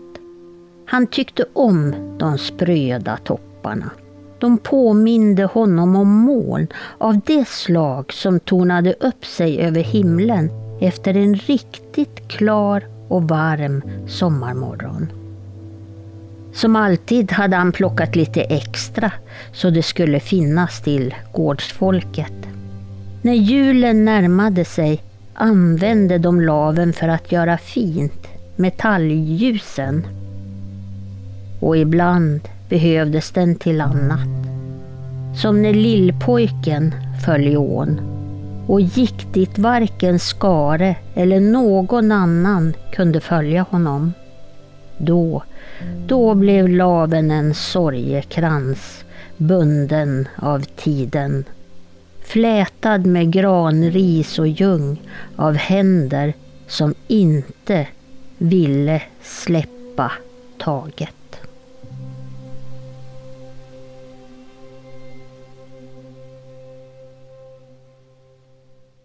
Ja, här hade vi en text som är skriven av Sara Boström, min kära kollega, och eh, som vanligt inläst av Eva. Eh, och den är väldigt vacker tycker jag. Eh, och den, det är en text som vi har till en, en av våra tavlor, som heter Hällmarker. Och jag tänkte att den här skulle få inleda lite grann nästa steg i det här programmet och att vi skulle prata om tomten i sagorna. Oftast när vi pratar om tomten så kanske han främst förekommer i sägner. Men hur är det, finns han i våra sagor och våra legender och myter? Ja, vi hade ju faktiskt redan i vårt andra avsnitt här äh, som handlade om sagor och myter och sägner. Äh, då hade vi ju en variant från Dalsland som äh, handlade om Askungen. Och där mötte hon ju inte på någon fairy godmother utan då var det ju faktiskt en tomte. Men, men det tycks som att tomten i, i sagorna många gånger påminner mycket om den rollen den har i, i sägner och sådär. Så att, eh, däremot så händer ju någonting samtidigt med den här typen av berättartraditioner som vi, vi, rör oss, vi har ju rört oss mest, eller nästan uteslutande i muntlig kultur än så länge. Jag nämnde lite grann skriftligt i början här, men annars har det ju varit muntliga berättelser som de här är. Men det händer ju någonting annat också, mer underhållande, inte minst från borgarskapet, om man säger sådär, från stadsmiljöer, så kommer det in en annan typ av tomtar vid den här tiden. Och eh, vi ser dem på olika håll, eh, allt ifrån eh, ja, Selma Lagerlöfs, eh, Nils Holgerssons eh, underbara resor, där, som ju hela den här oerhört berömda berättelsen börjar ju faktiskt med en liten tomte, en arg tomte. Det är, det är just en arg tomte som, som straffar Nils Holgersson i den här, som gör honom liten. Och sen har vi ju flera andra författare under den här tiden såklart som skrivit om tomtar. Vi har eh, en, någonting som kommer eh, ganska tidigt på mitt, eh, andra hälften av 1800-talet i alla fall, så är det ju olika jultidningar som var oerhört populära. Och de har namn som eh, Tomtebissen eller Tomtegubben eller Nissen och sånt där. Söndagsnisse och det var liksom... Och i de här så, som oftast illustreras av, ganska, av, av, av eh, konstnärer som senare blir ganska berömda från annat håll, bland annat Jenny Nyström och, och ja, en hel del andra, så ser vi också en utveckling av tomtar som ju blir mer och mer förknippade just kring julen.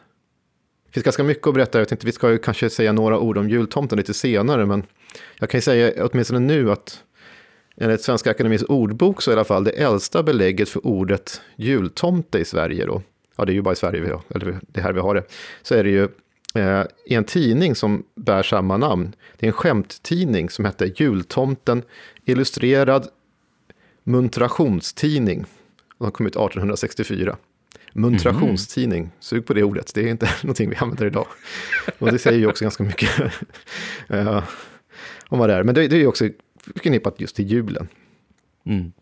Och vid sidan av detta så har vi ju även någonting annat som ju många a, a, pratar om. Eh, det är ju bland tomtar och troll. Mm. Som ju inte minst har blivit berömda för att John Bauer illustrerar dem. Flera, av- ganska tidigt skede illustrerar han ju flera av de här. Och de här, det är ju berättelser som ju är eh, skrivna av författare. Men i dem så, av, av titeln framgår ju att tomtar har en återkommande roll i dessa. Och det, även i modern tid, så, för tomtar och troll ges ju fortfarande ut, så finns det ju en hel del tomtar fortfarande.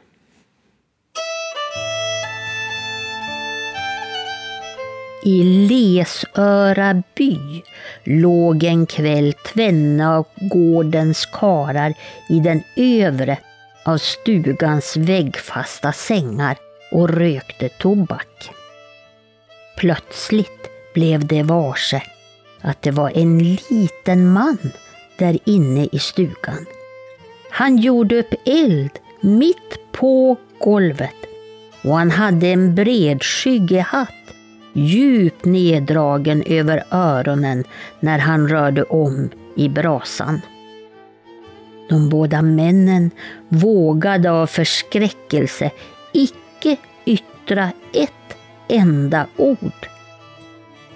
Tomten såg sig försiktigt omkring, men då han inte upptäckte någon annan så fortsatte han i lugn och ro sköta om sin brasa under en halv annans timmes tid. Då inte så mycket som ett enda kol låg obrunnet, då gick han bort till vägghyllan. Och så bara försvann han.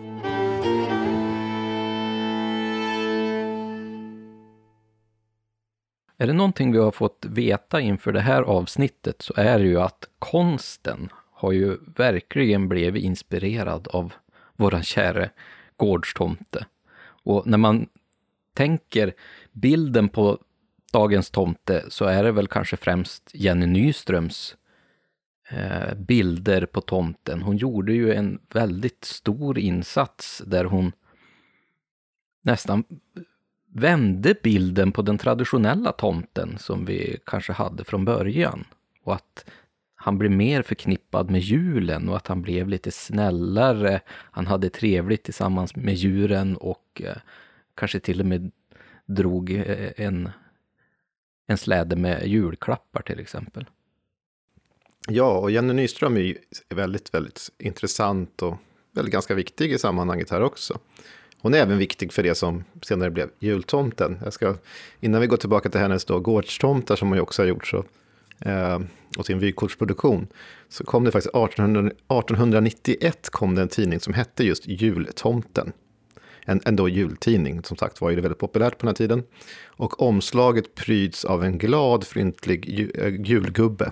Alltså själva begreppet jultomte var inte självklart här, utan julgubben är ju så att säga personifikationen av julen själv, alltså jämför engelskans Father Christmas.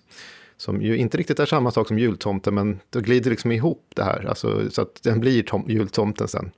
Men här är ju hon också som har gjort omslaget till den här tidningen och den blev ju väldigt spridd. Den sålde för sin tid i ganska stora upplagor. Den hade en blomstringstid mellan 1895-1910 då sålde den en årlig upplaga på 200 000 exemplar i Sverige på den tiden. Och det är väldigt mycket, då, dåtidens mått mätt så att säga. Men vi ska gå tillbaka lite grann till hennes, hur tomtarna blev liksom viktiga för henne och hur det egentligen började kanske man ska säga. Alltså det, det som fick så stor betydelse. Det får vi söka oss till en annan mångsysslare, men framförallt känd skald i Sverige. Det är ju Viktor Rydberg. Och Viktor Rydberg, denna mångsysslare som har skrivit om allt möjligt, han har ju också haft en viktig roll att fylla här i föreställningar om tomtar och, och julen. Och även om hans kanske dikt, eh, som börjar med den här Midvinternattens köld är hård, är kanske mest berömda, eh, så har, skrev han ju dessförinnan, då, redan så tidigt som 1874, eh, så skrev han Lilleviks äventyr på julafton som publicerades i Göteborgs Handels och Sjöfartstidning. Och den här äh, berättelsen om Lilleviks äventyr kom att bli ganska viktig för att så att säga cementera kan man säga eh, tomtens eh, roll kring julen, alltså fästa det här till jultider. För den handlar ju om hur han arbetar och sådär runt jultider. Och den har ju reproducerats många, många gånger därefter.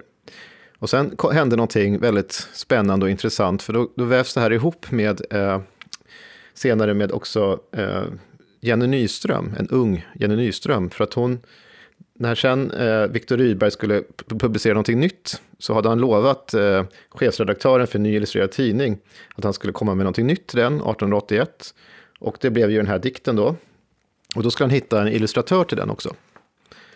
Och eh, den som fick det jobbet, det var då Jenny Nyström. Mm. Och hon, hon gjorde en teckning där tomten står så, fundersam utanför visthusboden och kliar sig i sitt skägg. Och eh, råttor kilar omkring på vägen mot ett råtthål eh, också på en av bilderna. Och en smal månskära syns ovanför till höger, så det är en ganska fin bild. I vänstra sidan som hålls ihop av en drakslinga skildrar hon då tomtens olika bestyr och arbetsuppgifter. Och han bland annat så ser han till en liten bebis, han snusar, han ligger och sover i sin bädd och han klappar en trogen hund. Och, och högst upp så tittar han också på ett fågelbo som han håller ett vaksamt öga över. Men han känns väldigt ensam och kylan liksom genomtränger den här äh, dikten då som hon illustrerade. Och det var ju den som, som är så känd. Men det här var liksom inte helt självklart. För att när den kom in så var man väldigt orolig på eh, tidningen. För man tänkte, är det här verkligen passande för barn och så vidare att se? Eh, men Rydberg själv, Viktor Rydberg var, var, nöjd med teckningarna så den fick gå igenom i tryck. Så, att, så det blev liksom så att säga på många sätt hennes genombrott. För genom den här illustrationen så var den svenska tomten född. För att därefter så fortsatte hon illustrera tomtar av alla dess slag. Och sen hon syntes då som jag sa tidigare på den här tidningen Jultomten och, och illustrerade flera jultidningar. Och sen började hon med det som hon är absolut mest berömd för det är inte Viktor Rydberg, utan det är ju hennes eh, julkortsproduktion med tomtar av alla dess slag med och alla de här är ju fixerade till jultider. Eller ja, alla, hon gjorde ju andra, andra, hon gjorde ju postkort och sånt också, men mycket av de här eh, blir mer och mer förknippade med julen. Och då drar de omkring med slädar med julklappar, ibland rider de till och med på en bock, vilket ju är intressant i sig. Eh, och de blir vänligare och vänligare kan man säga, för så som vi tänker på en eh, gårdstomte, genom Jenny Nyström, det är ju inte någon sån där som rycker ut ögat på någon och, eller har bara ett enda öga i pannan och beter sig som de vi har pratat om tidigare, utan det här är ju väldigt eh, fryntliga, glada, små tjocka, eh, ja, med rosenröda kinder nästan, tomtegubbar som ser väldigt, väldigt vänliga och väldigt, väldigt snälla ut som är där och, och ser till, ger, ger fåglarna Eh, mat och tittar in i fönstret där det ser ut att vara en väldigt sån här gemytlig eh, eh, stämning kring julgranen och sånt. Så det, det, är det vi tänker på, förknippar mycket idag med, med eh, gårdstomtar eller tomtegubbar.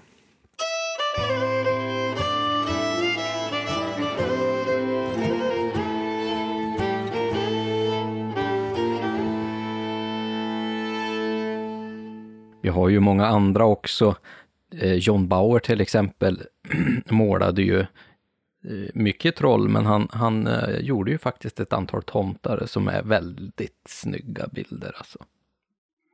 Ja, och även, även John Bauer är ju sån. Han gjorde ju både trollen och även tomtarna ganska också gulliga. De ser inte så fa särskilt farliga ut. Det, det är en John Bauer-målning som jag är särskilt förtjust i när det är en flicka som knäböjer med ett fat gröt och sen är det en massa småtomtar under huskröken som tittar på tillbaka. Eller så har en tomte som är liten, mest ett stort skägg nästan, med en luva som står och kliar sig i, i, i hakan och tittar snett upp mot en figur bredvid. Så det är ju väldigt, väldigt, väldigt vackra och roliga bilder, som, men samtidigt trivsamma bilder som fortfarande får tomten att framstå som ett mysigt väsen snarare än någonting annat. Vi på Oknytt har ju också eh, gjort en, en tolkning på gårdstomten och vi har ju naturligtvis hämtat inspiration både från Bauer, från Rolf Lidberg och eh, kanske främst ifrån Jenny Nyström. Men mm. vi vill samtidigt hålla tillbaka lite grann och att det ska vara den här lite, lite mystiska varelsen som ser ändå ganska sträng ut. Och våran tomte är ju kanske lite större än man tänker sig när man läser de här sägnerna där de är ganska liten, men för att tomten skulle funka för oss och våra bilder så måste han ju kunna agera med sin omvärld. Och då var vi tvungna att göra honom lite större, så han är liksom ungefär en, en tioåring i storlek. Men att han har de här klassiska egenskaperna, att han har långt skägg, han har en stor näsa, han har den här röda luvan och, och han har lite arbetskläder. Men eh, har Jenny Nyströms tomtar alltid sett ut så här? Har de alltid liksom varit så här gosiga och, och hemtrevliga. Nej, och det är faktiskt jättebra att du sa det, för att eh, jag sa ju att Rydberg blev nöjd, men han blev nöjd. Han var inte nöjd från början. För att hennes första försök, då var de för grova, för grovkorniga och liksom, de ville ha någon lite vänligare tomte. Och det var det hon gjorde, som fick göra om så att säga, sina teckningar. Och det kan, det kan synas på en del av de här tidiga försöken. Alltså, det, är, det är lite mer att folktrons tomtar som hon har inspirerats av mera. Än det som hon sen blev så känd med och som sen du nämnde ju också Lidberg här som då en slags arvtagare till Jenny Nyström när det gäller att göra tomtar på julkort i alla fall. Dagens syn på tomtar är alltså ett eh, beställningsjobb. Ja, kanske man kan säga.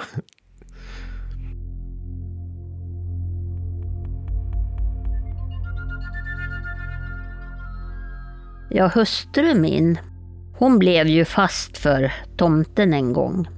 Tomten han bodde ju ute i stallet på gården där hon bodde som barn. En gång när far henne skulle köra till stan tidigt på morgon, då blev gumman min som var hemma och var flicka på den tiden skickad ut i stallet för att ge hästarna hö. Och det gjorde hon, men när hon hade givit hästarna hö, då vart hon upp upplyft upp på dynghögen.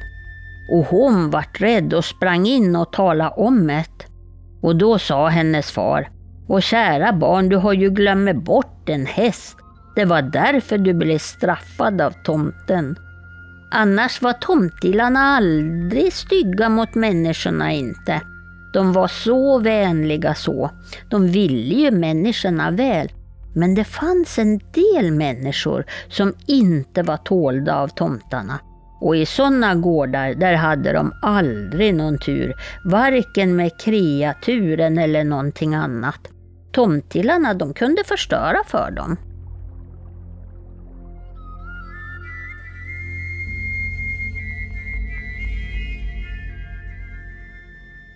Och här var det ju en upptäckning från Uppland i Kungsbyhus. Och här var det ju eh, skillnaden liksom att det var eh, kanske lite mer snälla tomtar. Ja, precis. Vi har ju den här, det är skillnad mot de snälla, för att det är ju, här är det ju folktrons tomtar som ju är den här, som vi har märkt så, så, länge, eller så många gånger nu i det här programmet, att de är, kan ju vara väldigt stränga och, och svåra att ha att göra med om man inte respekterar dem. Och för att återvända till Jenny Nyström igen, för att det, det är lite spännande för att hennes läromästare, en av dem, Fredrik Wolfart, han, han var själv en också känd konstnär som för sin tid, som gjorde målningar av skägglösa och vresiga tomtar. Kan säga. De hade inte skägg. Och det skiljer sig jättemycket då från Nyström. De, hon är ju berömd med sina skäggiga tomtar. Eh, och de kallas för tomtebissetavlor, så de, de vann viss berömmelse under sin tid. Men jag tänker också under den här tiden, så att säga, på 1800-talet och i borgerlig miljö som det här är, så finns det ju, vi pratar om jultidningar och så, men hur, hur blev då de här gårdstomtarna helt förknippade med julen? Ja, Nyström och Rydberg och även eh, kända författare som August Strindberg har också skrivit om tomtar. Han skrev en mm. pjäs om det bland annat. Men det finns eh, en skämttidning också, en politisk skämttidning som heter Tomtebissen som kom 1857, började ges ut. Och i den här så finns det, eh, ja, som, som, då har namnet Bisse, som ju är ett namn för gårdstomten. Mm. Och sen kom det en kalender också, eh, 1859. Och då skämtade, det är en humoristisk kalender som sades vara utgiven av Nisse, Nasse och Puck med flera glada och trevliga bissar. Så det är också återigen en sak som förknippar det här. Och flera liknande saker eh, har de här gårdstomtarna, så att säga, då blir en del av de här jultraditionerna, så att säga. Och vi har ju, långt senare så kommer ju även, när verkligen jultomten börjar utvecklas, så eh, inte minst den amerikanska då, Coca-Cola, eh, jultomten som där, där eh, Haddon Sundblom, som ju tecknade det, har ju rötter, svenska rötter. Det är väl Åland och svenska rötter som i Amerika. Som, som ju då av naturliga skäl har med sig eh, de här eh, tomtarna så att säga från Skandinavien ner till Amerika och sen gör den här jättekända Coca-Cola-tomten. Och sen så utöver det så finns det ytterligare en väldigt stor maktfaktor under sin tid, och som i fall inflytelsemässigt är ju Walt Disney. Mm. Och den eh, som vi ser varenda julafton i Sverige är ju faktiskt jultomtens verkstad. Mm. Och vad har jultomten kring sig? Det är ju massa Elfs kanske det, jag kommer inte ihåg vad det heter där, kanske är Elfs de använder. Men det är ju ändå, det är ju nissar eller sådär som vi skulle tolka det som. Så det är ytterligare en sak som, som liksom förknippar de här tjänstetomtarna med julen och med jultomten. Så jultomten blir liksom en slags ledarfigur. Men Tommy, vad, vad, tror du, hur ser det ut med tomten i, i film och tv och det mediet? Vi har ju ett exempel som heter Trolltyg i Tomteskogen. Den är ju en tecknad, filmad version eh, som är från USA, men den är ju baserad på en nederländsk bok. Och den är ju väldigt trevlig. Eh, vi såg den jättemycket som barn. Men handlar det verkligen om tomtar i den? Det är oftast, den har ju titel som Gnomes och Gnome i engelsk tradition är ju ofta vad de, man försöker översätta tomtar till. Och det här är ju så notoriskt svårt, för att jag själv skriver ju en hel del texter på, eh, säg engelska, och då, det går inte att översätta en del väsen rakt av. Det var exempelvis, eh, jag skulle ju faktiskt, om jag skulle översätta våra tomtar till engelska, så skulle jag fortfarande försöka kanske använda antingen Farmstead Spirit eller skriva tomte. Swedish tomte eller något liknande. För att gnomes är inte riktigt samma sak. Det påminner om tomtar, absolut. Men det är inte, det är inte samma sak som våra gårdstomtar rakt av. Så att, att använda eh, eh, eh andra väsen för att översätta ett väsen, det blir inte riktigt blir inte helt, helt bra alla gånger. Och överlag så finns det väl inte sådär jättemycket kring eh, film och tv-mediet där man pratar just om tomtar. I, i, vi hade en, en um, adventskalender på radion här, om året där det var mycket väsen. Det var väldigt mycket uh, oknytt och väseninspirerat. Och där var det ju för sig en tomte med um, som hjälpte till. Men i övrigt så är det inte jättemycket som vi ser i det rörliga mediet. Ja, det, det är lite märkligt att våra väsen finns så snålt eh, eh, representerade på vita duken.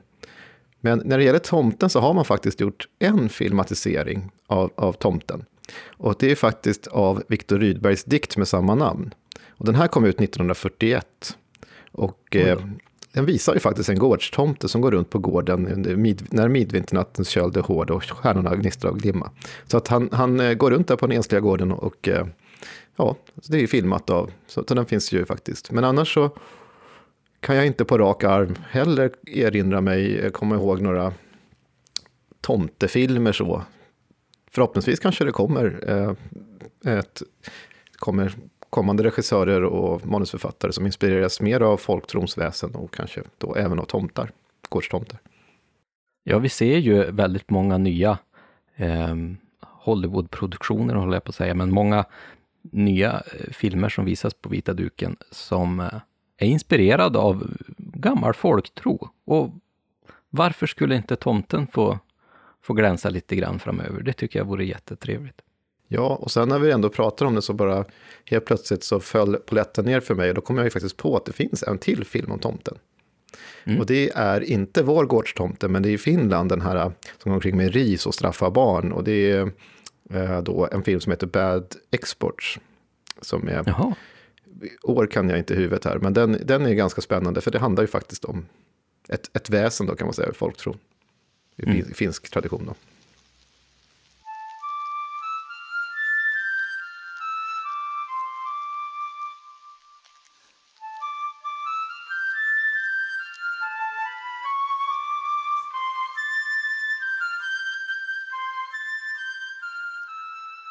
I många av de här moderna illustrationerna och bilderna av tomten och kanske främst i Jenny Nyströms skapelser så drar han ju oftast på ett antal klappar eller julpaket eh, på, på en kälke. Men har, har det liksom, är det något som går tillbaka i gårdstomte-traditionen eller är det en nyskapelse? Det där, är, alltså om man säger så, gårdstomten, som folktrons gårdstomte, han eh, delar inte ut några paket. Det är snarare tvärtom, han ska ju ha sin belöning. Vi fick ju höra om vad som händer om han inte får det. Så att mot att han, han, ska, han ska få paket, inte tvärtom. Så att eh, det är en stor skillnad. Men här, här kom ju, just Nyström är ju faktiskt intressant återigen i det här sammanhanget för att just att hon gör det här att det blir de här gårdstomtarna, eller hennes tomtar då, som delar ut paket. Och som senare blir en funktion som jultomten bland annat tar över. Och vi har bland annat ett par välgörenhetsorganisationer som också hör till den här tiden, som är intressant också. Det finns bland annat en som heter Sällskapet Julgubbarna, som grundades så tidigt som 1858, som hade den här rollen också.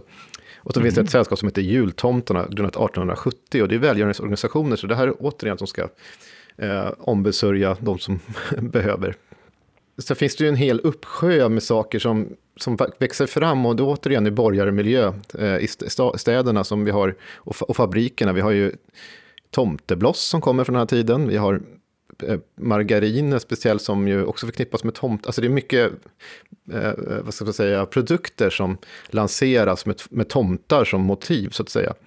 Eh, ja, Tomtetvålar kom också under den här tiden. Så det är mycket saker som kommer som mycket förknippas. Vi, när vi har jul utan julmust idag. Och julmusten är ju såklart, precis som Coca-Cola försöker göra, att man vill ha också så mycket jul kring det som möjligt. Vi pratar ju om julmust till och med, även om det nu börjar säljas långt, långt, långt innan jul. Och det finns andra varianter runt påsk, runt påsk och sådär också. Men, men det är någonting vi förknippar verkligen med julen och det är just julmotiv, tomtemotiv på dem.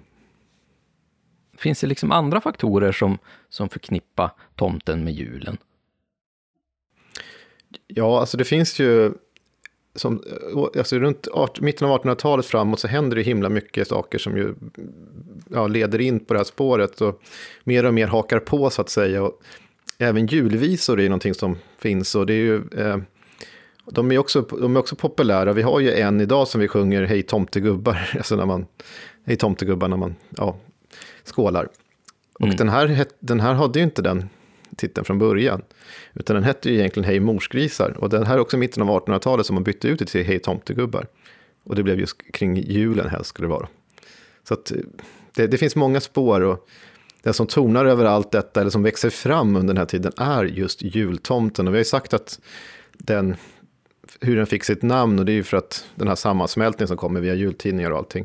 Och att spåra jultomtens eh, historia eller bakåt är ganska eh, en brokig sak att göra för det är så många vägar. Vi har ju allt ifrån det här helgonet då Nikolaus som ju har egentligen sin dag den 6 december och inte på julafton. Och i tidigt så i de här jultågsupptågen eh, som fanns förr så kunde klappar delas ut redan då för att knutet till Nikolaus, alltså legenden om Nikolaus, säger ju också att han kastar guld. eh, säckar för att liksom lösgöra en, en dotter som har på sälja prostitution och sådär. Alltså i, det här är motsvarande dagens Turkiet ungefär, i, i mindre Asien där, som eh, han verkade och dog. Eh, och blev ju sen ett helgon, ett skyddshelgon för olika saker. Men just det, hans symboler är, ju- är ju bland annat tre sådana här säckar. Så han är ett spår som vi har. Och det, det har vi ju kvar i, i Nikolaus då som eh, många förknippar med jultomten. Och sen har vi det amerikanska spåret, det sänder saker där. Och sen har vi ett, ett inflytande också utöver allt detta från gårdstomtar. eh, In, in i detta tack, via borg, borgerliga miljöer, alltså via de här konstnärerna och via författarna och alla skämttidningar och jultidningar och visor och sånt. Och produkter som säljs på den här tiden. Så att det är ett mischmasch, som, eh, ett sammelsurium som man brukar säga, av saker och ting som tillsammans förenas och blir till jultomten. Men då har vi inte nämnt någonting annat som jag vet att en del av våra tittare är och lyssnare är intresserade av. Ja, Och det är ju en annan figur. vi har ju pratat väldigt mycket om gårdstomten och hur han är förknippad med julen och sen att han har blivit förvandlad till någon form av stor fryntlig och eh, tjock rödklädd gubbe som vi kallar jultomten som inte alls har med gårdstomten att göra. Men när det gäller julen så har vi ju ett väsen eller kanske mer ett djur som främst är förknippad med, med, med julen och de traditionerna, i alla fall här i Sverige.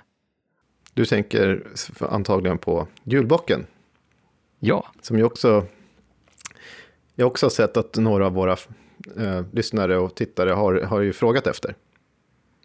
Och julbocken är ju så pass intressant så att det nästan gör honom orättvisa och säga lite snabbt här. Men jag sa ju det här med, med 6 december som då eh, Nikolaus dag. Och vi kan se det nere på kontinenten, runt, inte minst runt Alperna, så är det fortfarande de här julspelen alltså spelen som finns. Det var ju också en sån tradition som man får räkna in här. Och det som går med i Nikolaus följe är olika figurer, så var det även i Sverige. Och en av dessa figurer är en bock. Och i, ibland kan det vara en djävulsfigur och i just det här runt Alperna så är ju, har man det som kallas för Krampus, eller, eh, som då är en slags Eh, mer hotfull figur som går runt ser ut som, nästan som en djävul. Eh, så det är en liksom blandning mellan en bock och en djävul.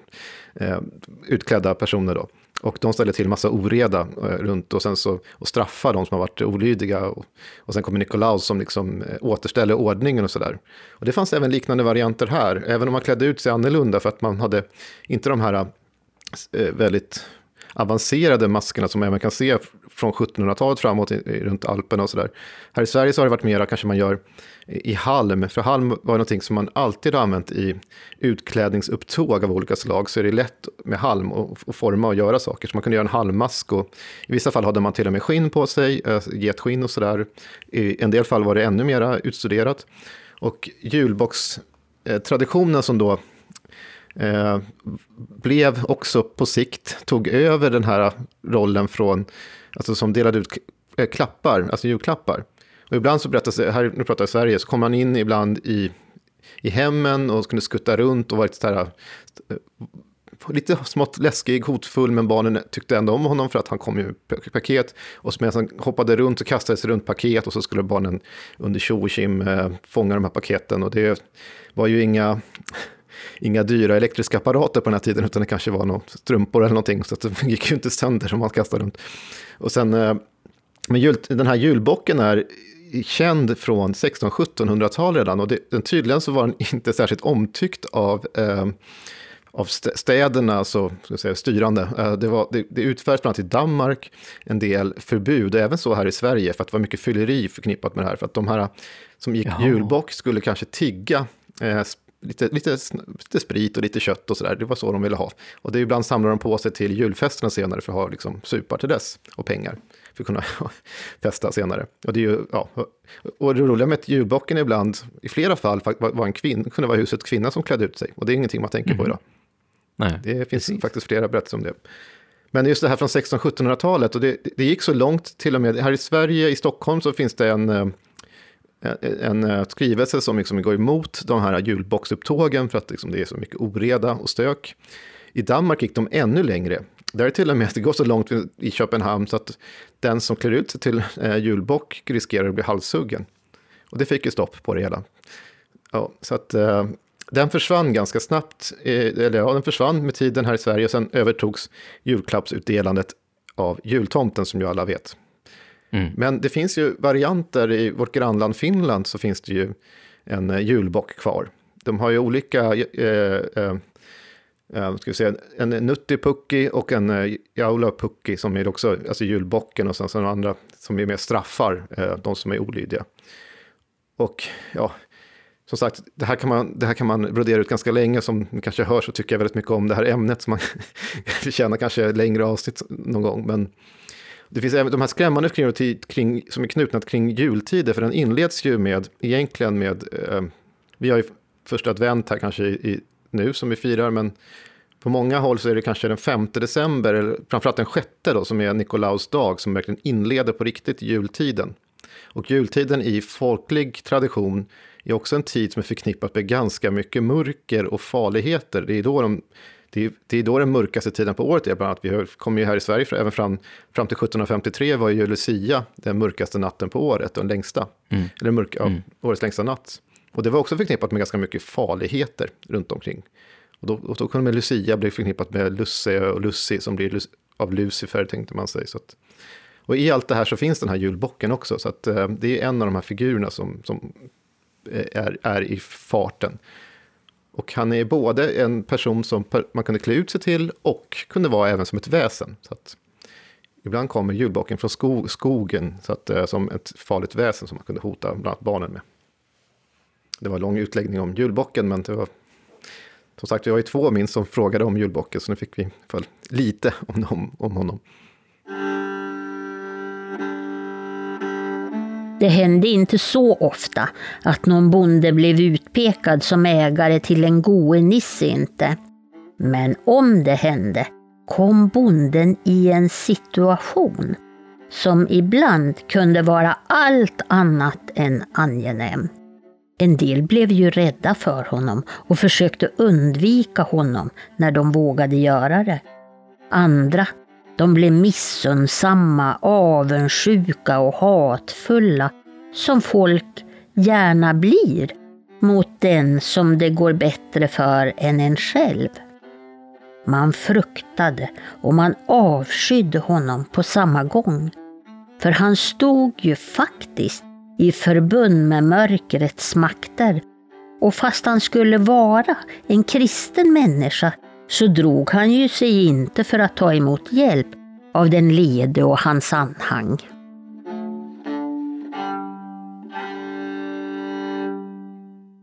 Ja, och vi är tillbaka till den här, det här är ju gårdstomten då igen, som, för att få den här kontrasten till eh, vår, vår tids bild av tomtar. För att det är ju det är inte så att kanske de flesta idag skulle överhuvudtaget tänka tanken att de här små söta tomterna som vi pryder våra hem med kring jul har av en del betraktats som rena rama eh, djävulsfoster så att säga. Det intressanta är ju faktiskt att det var inte så, vi hörde ju våra kära Ebbe Schön här nyss eh, berätta om tomtar, men han har ju också upplevt hur, hur faktiskt uppjagade personer, svenskar kan bli. Eh, inte minst när han presenterade en julkalender i, i tv. Han skulle berätta om ett väsen inför varje lucköppning. Och då var det ju personer som var på honom ganska rejält i media. Och inte minst var det bland annat Kristdemokraternas Alf Svensson som var en av dem som, som gick ganska långt i den här eh, ja, hetsjakten efter Ebbe. Ja, och på tal om Ebbe så är det ju skrivet väldigt mycket mycket om tomten i litteraturen. Både nyproduktioner men sen även väldigt mycket forskning till, till exempel. Ja, alltså om man tar det första så är ju, som vi varit inne på några gånger här, många ganska kända författarnamn har ju någon, något tillfälle sysselsatt sig med att skriva något om tomtar. Men sen har vi ju eh, en annan känd eh, illustratör och författare som vi inte riktigt har nämnt än, som också är känd för att göra tomtarna bra mycket sötare och gulligare än vad folktron eh, berättar. Och då också sätta tomtarna i familjesammanhang. Och det är ju Elsa Beskow i sina eh, Tomtebobarnen. För det är ju, som säkert många av er eh, känner till, så är det, då lever tomtarna i skogen med små svamphattar och kotthattar och sådär och ser jättesöta ut. Och, ja, och berättar så. Hon, hon illustrerar ju detta väldigt mästerligt, men det är ju det är också en bild som gör att tomten blir mer och mer snuttifierad eller gullifierad, om man använder för ord som ju blir mer och mer i, i populärkulturen. I avsnittet om, om spöksvin, när vi pratade om gloson, så pratade jag också om hur gloson då, från att ha varit det här hemska svinet som man var livrädd för, har förvandlats till en söt nalle som man kan köpa och ge sitt barn och, och mm. stoppa i barnsängen. Det finns ju även några romaner skriven om tomten och då är det ju faktiskt Ebbe själv här som har, ha, skriver om och den första delen heter Gårdtomtens långa minne och den andra delen heter Gårdtomten på ryk. Och jag har själv läst dem och de är väldigt roliga för att då får man följa en tomte genom, genom åren, ända från medeltiden och framåt och se hur han upplever hur gården förändras och liknande. Och det ryktas lite grann om att det ska komma en tredje del också som låter väldigt spännande. Det, det där är ju så himla kul och spännande på många sätt eftersom det, det, det är ett fint författargrepp att tomten ju ser världen förändras runt om sig. Så det är ett sätt att förklara förändringar i samhället fast från tomtens perspektiv. Det som är kvar mm. i en äldre tid och har upplevt allting och kan liksom reflektera tillbaka. Och i det här programmet har vi faktiskt också rört oss över ganska stora tidsrymder. Vi började ju egentligen för 4000 år sedan i motsvarande Indien, då i de vediska skrifterna. Och så har vi rört oss fram till, ja, till Ebbes kommande skrifter, alltså Ebbes bok och böcker och i modern tid, då, 2020. Och det är ju bara det är fascinerande att tomten fortfarande är, är, är intressant att berätta om. Och det här avsnittet är ju också ett exempel på detta. När vi ändå pratar här om böcker, har du själv några boktips som våra lyssnare och kanske även jag eh, skulle eh, kanske ta och skaffa och läsa? Just kring tomten då? Ja, det finns faktiskt ett par stycken som jag tycker är väldigt bra. Den absolut eh, viktigaste boken om man är intresserad av tomtar är ju faktiskt Vår svenske tomte, sägner och folktro av just Ebbe Schön, som gavs ut på nytt här om året bara av Norna förlag, så den finns ju faktiskt i tryck. Annars är det lite svårt att få tag på många böcker om tomtar. Det är en annan som jag tycker är helt eh, som också är bra att läsa, det är en som heter Ulla Ehrensvärd som skrev en bok som heter Den svenska tomten. Kom ut 1979 tror jag. Eh, eller något år innan. Och sen finns det en äldre, och den är ganska svår att få tag på. Eh, det är en serie som hette Sveriges sägner av eh, Valdemar Ljungman. Och de här är olika delar som har olika liksom, teman. Men i Ska vi se vilken del det här är då. I del 5, den heter Sveriges sägner i ord och bild, så innehåller halva den delen eh, just tomten. Så att eh, där får vi över 200 sid, 250 sidor ungefär om tomtar. Och sen måste jag vara så fräck och säga att i årsboken Uppland 2020, som nyss är publicerad, så har jag själv skrivit om eh, eh eh, Gårdstomten i Uppland, ett, ganska, ett, ett längre kapitel. Och den är på omslaget på den så har vi Tomarums fina eh, tomtebild också. Och sen så är det lite intressant för att när jag skrev det här så hade jag ingen aning om, för att Ebbe har ju också utnämnt eh, landskapsväsen. Han gjorde mm. en sån lista över olika landskap och så har han liksom satt olika väsen, för man tänker att det finns landskapsblommor och landskapsdjur och så, varför ska det inte finnas landskapsväsen? Så av en lycklig slump så visade det sig att han hade faktiskt satt gårdstomten för upp, på Uppland just. Så det var ju mm. alldeles lysande. Alldeles passande. skrev detta. ja. Och alla de här boktipsen och, och fler tips kommer vi ju naturligtvis att lägga ut på vår hemsida eh, oknytt.com podcast.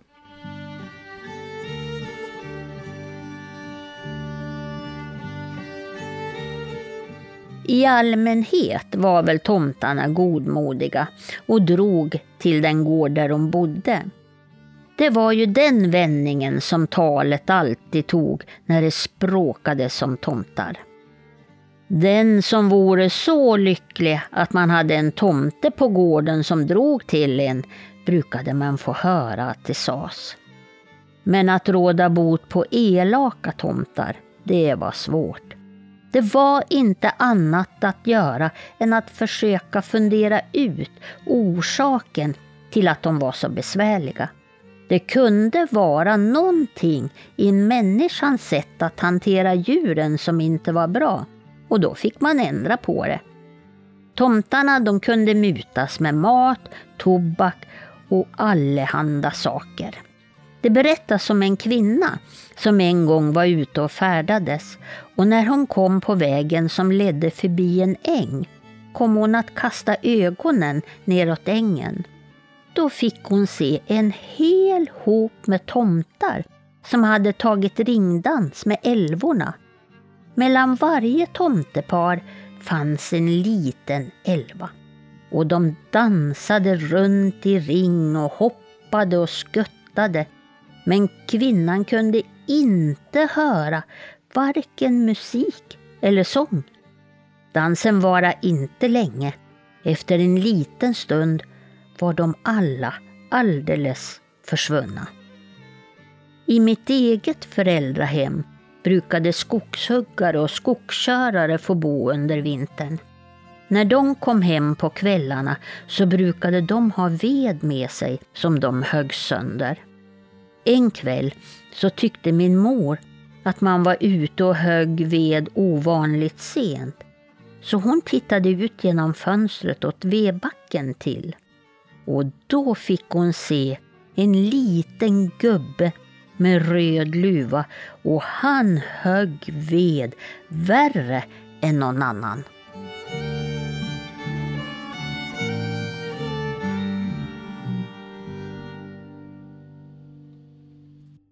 Här hade vi lite blandat om tomtar ifrån Hälsingland faktiskt.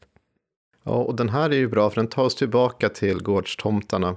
Och här har vi både det positiva och kanske det negativa i tomtarna.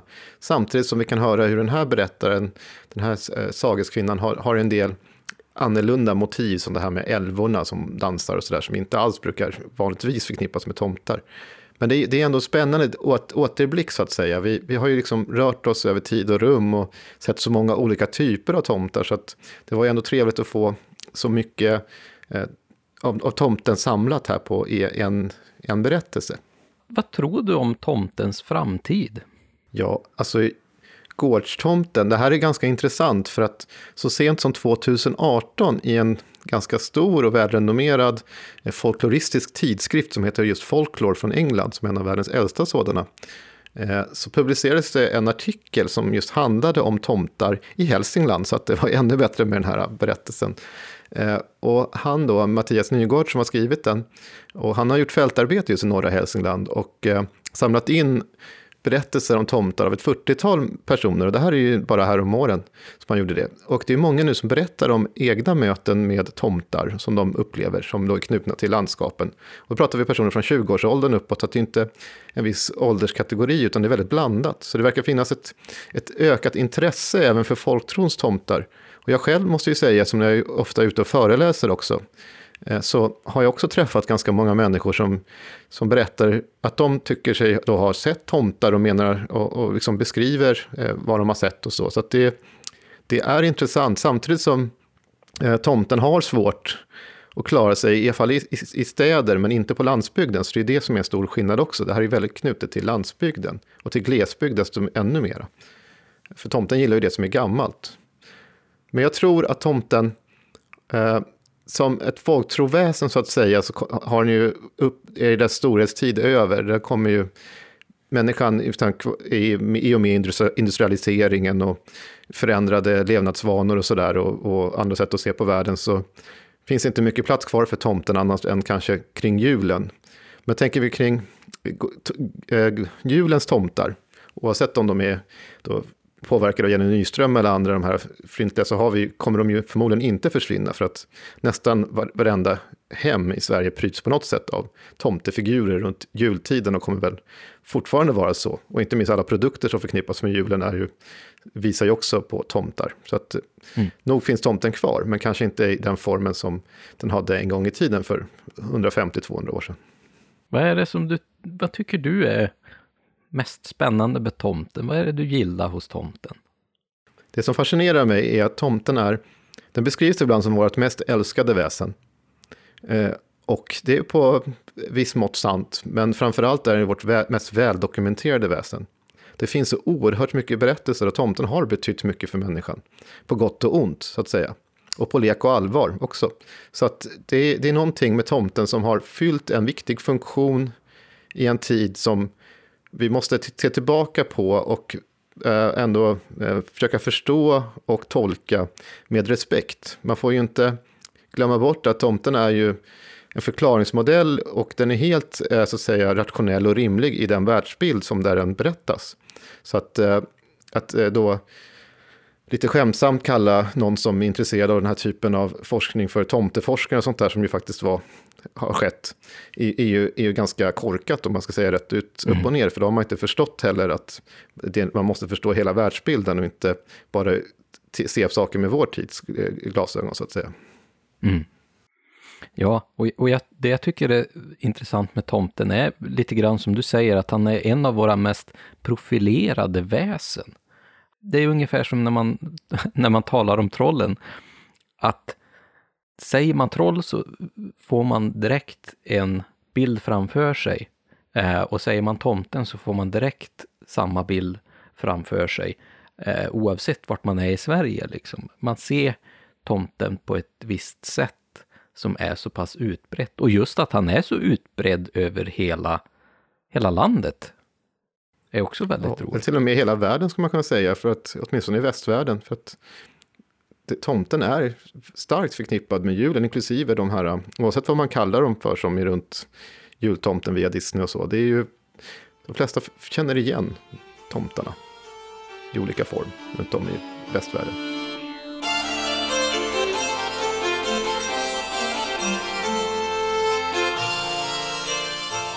Ja du Tommy, nu har vi haft ett riktigt mastodontavsnitt med våran gårdstomte. Och jag tycker han faktiskt förtjänar det också. Han, han, han är en så speciellt väsen i våra medvetanden och i våran folktro och våra sägner. Så att han, han förtjänar nästan det här stora avsnittet. Och den här gången har vi ju fått in så otroligt många härliga bilder till våran filmade eh, version av podden som ni absolut gärna får gå in och titta på på våra sociala medier på Oknytt Sverige till exempel på Facebook. Eh, så det vill vi absolut tacka för, det var fantastiskt roligt. Och sedan vill jag påminna er om att eh, ni får jättegärna följa oss på våra sociala medier på oknytt Sverige, både på Facebook och Instagram. Och ni får jättegärna gå med i vår Facebookgrupp när man talar om trollen eftersnack, där vi pratar om eh, allmänt om folktro och avsnitten och där ni får lite sneak peeks på vad vi Eh, ska göra inför nästa avsnitt och sen lägger vi alltid upp våra inlästa berättelser separata där i gruppen som ni kan eh, titta på. Så att eh, det får ni jättegärna göra. Men då vill jag bara avsluta med att tacka för oss. Får jag tacka för mig och så får jag tacka dig Tommy att du har velat vara med och prata om tomtar med mig idag. Det har varit så kul så. Ha det fint Tommy. Hej då. Ha detsamma. Hej då. Podden är producerad av Oknytt, Nordisk folktro och mytologi och intromusiken är som vanligt komponerad av Mark Jungerman.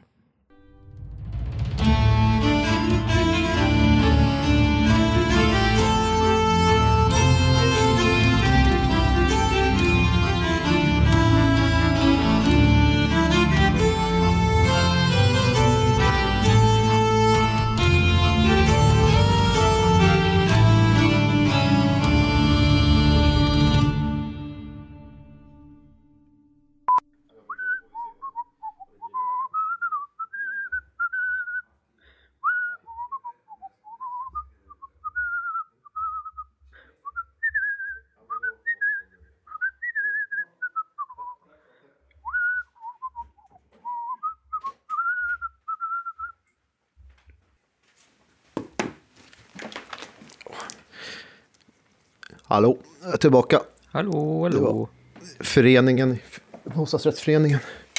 Eller Jaha. ordförande, vi ska ha sotning. Så att han, jag har ju en öppen spis här.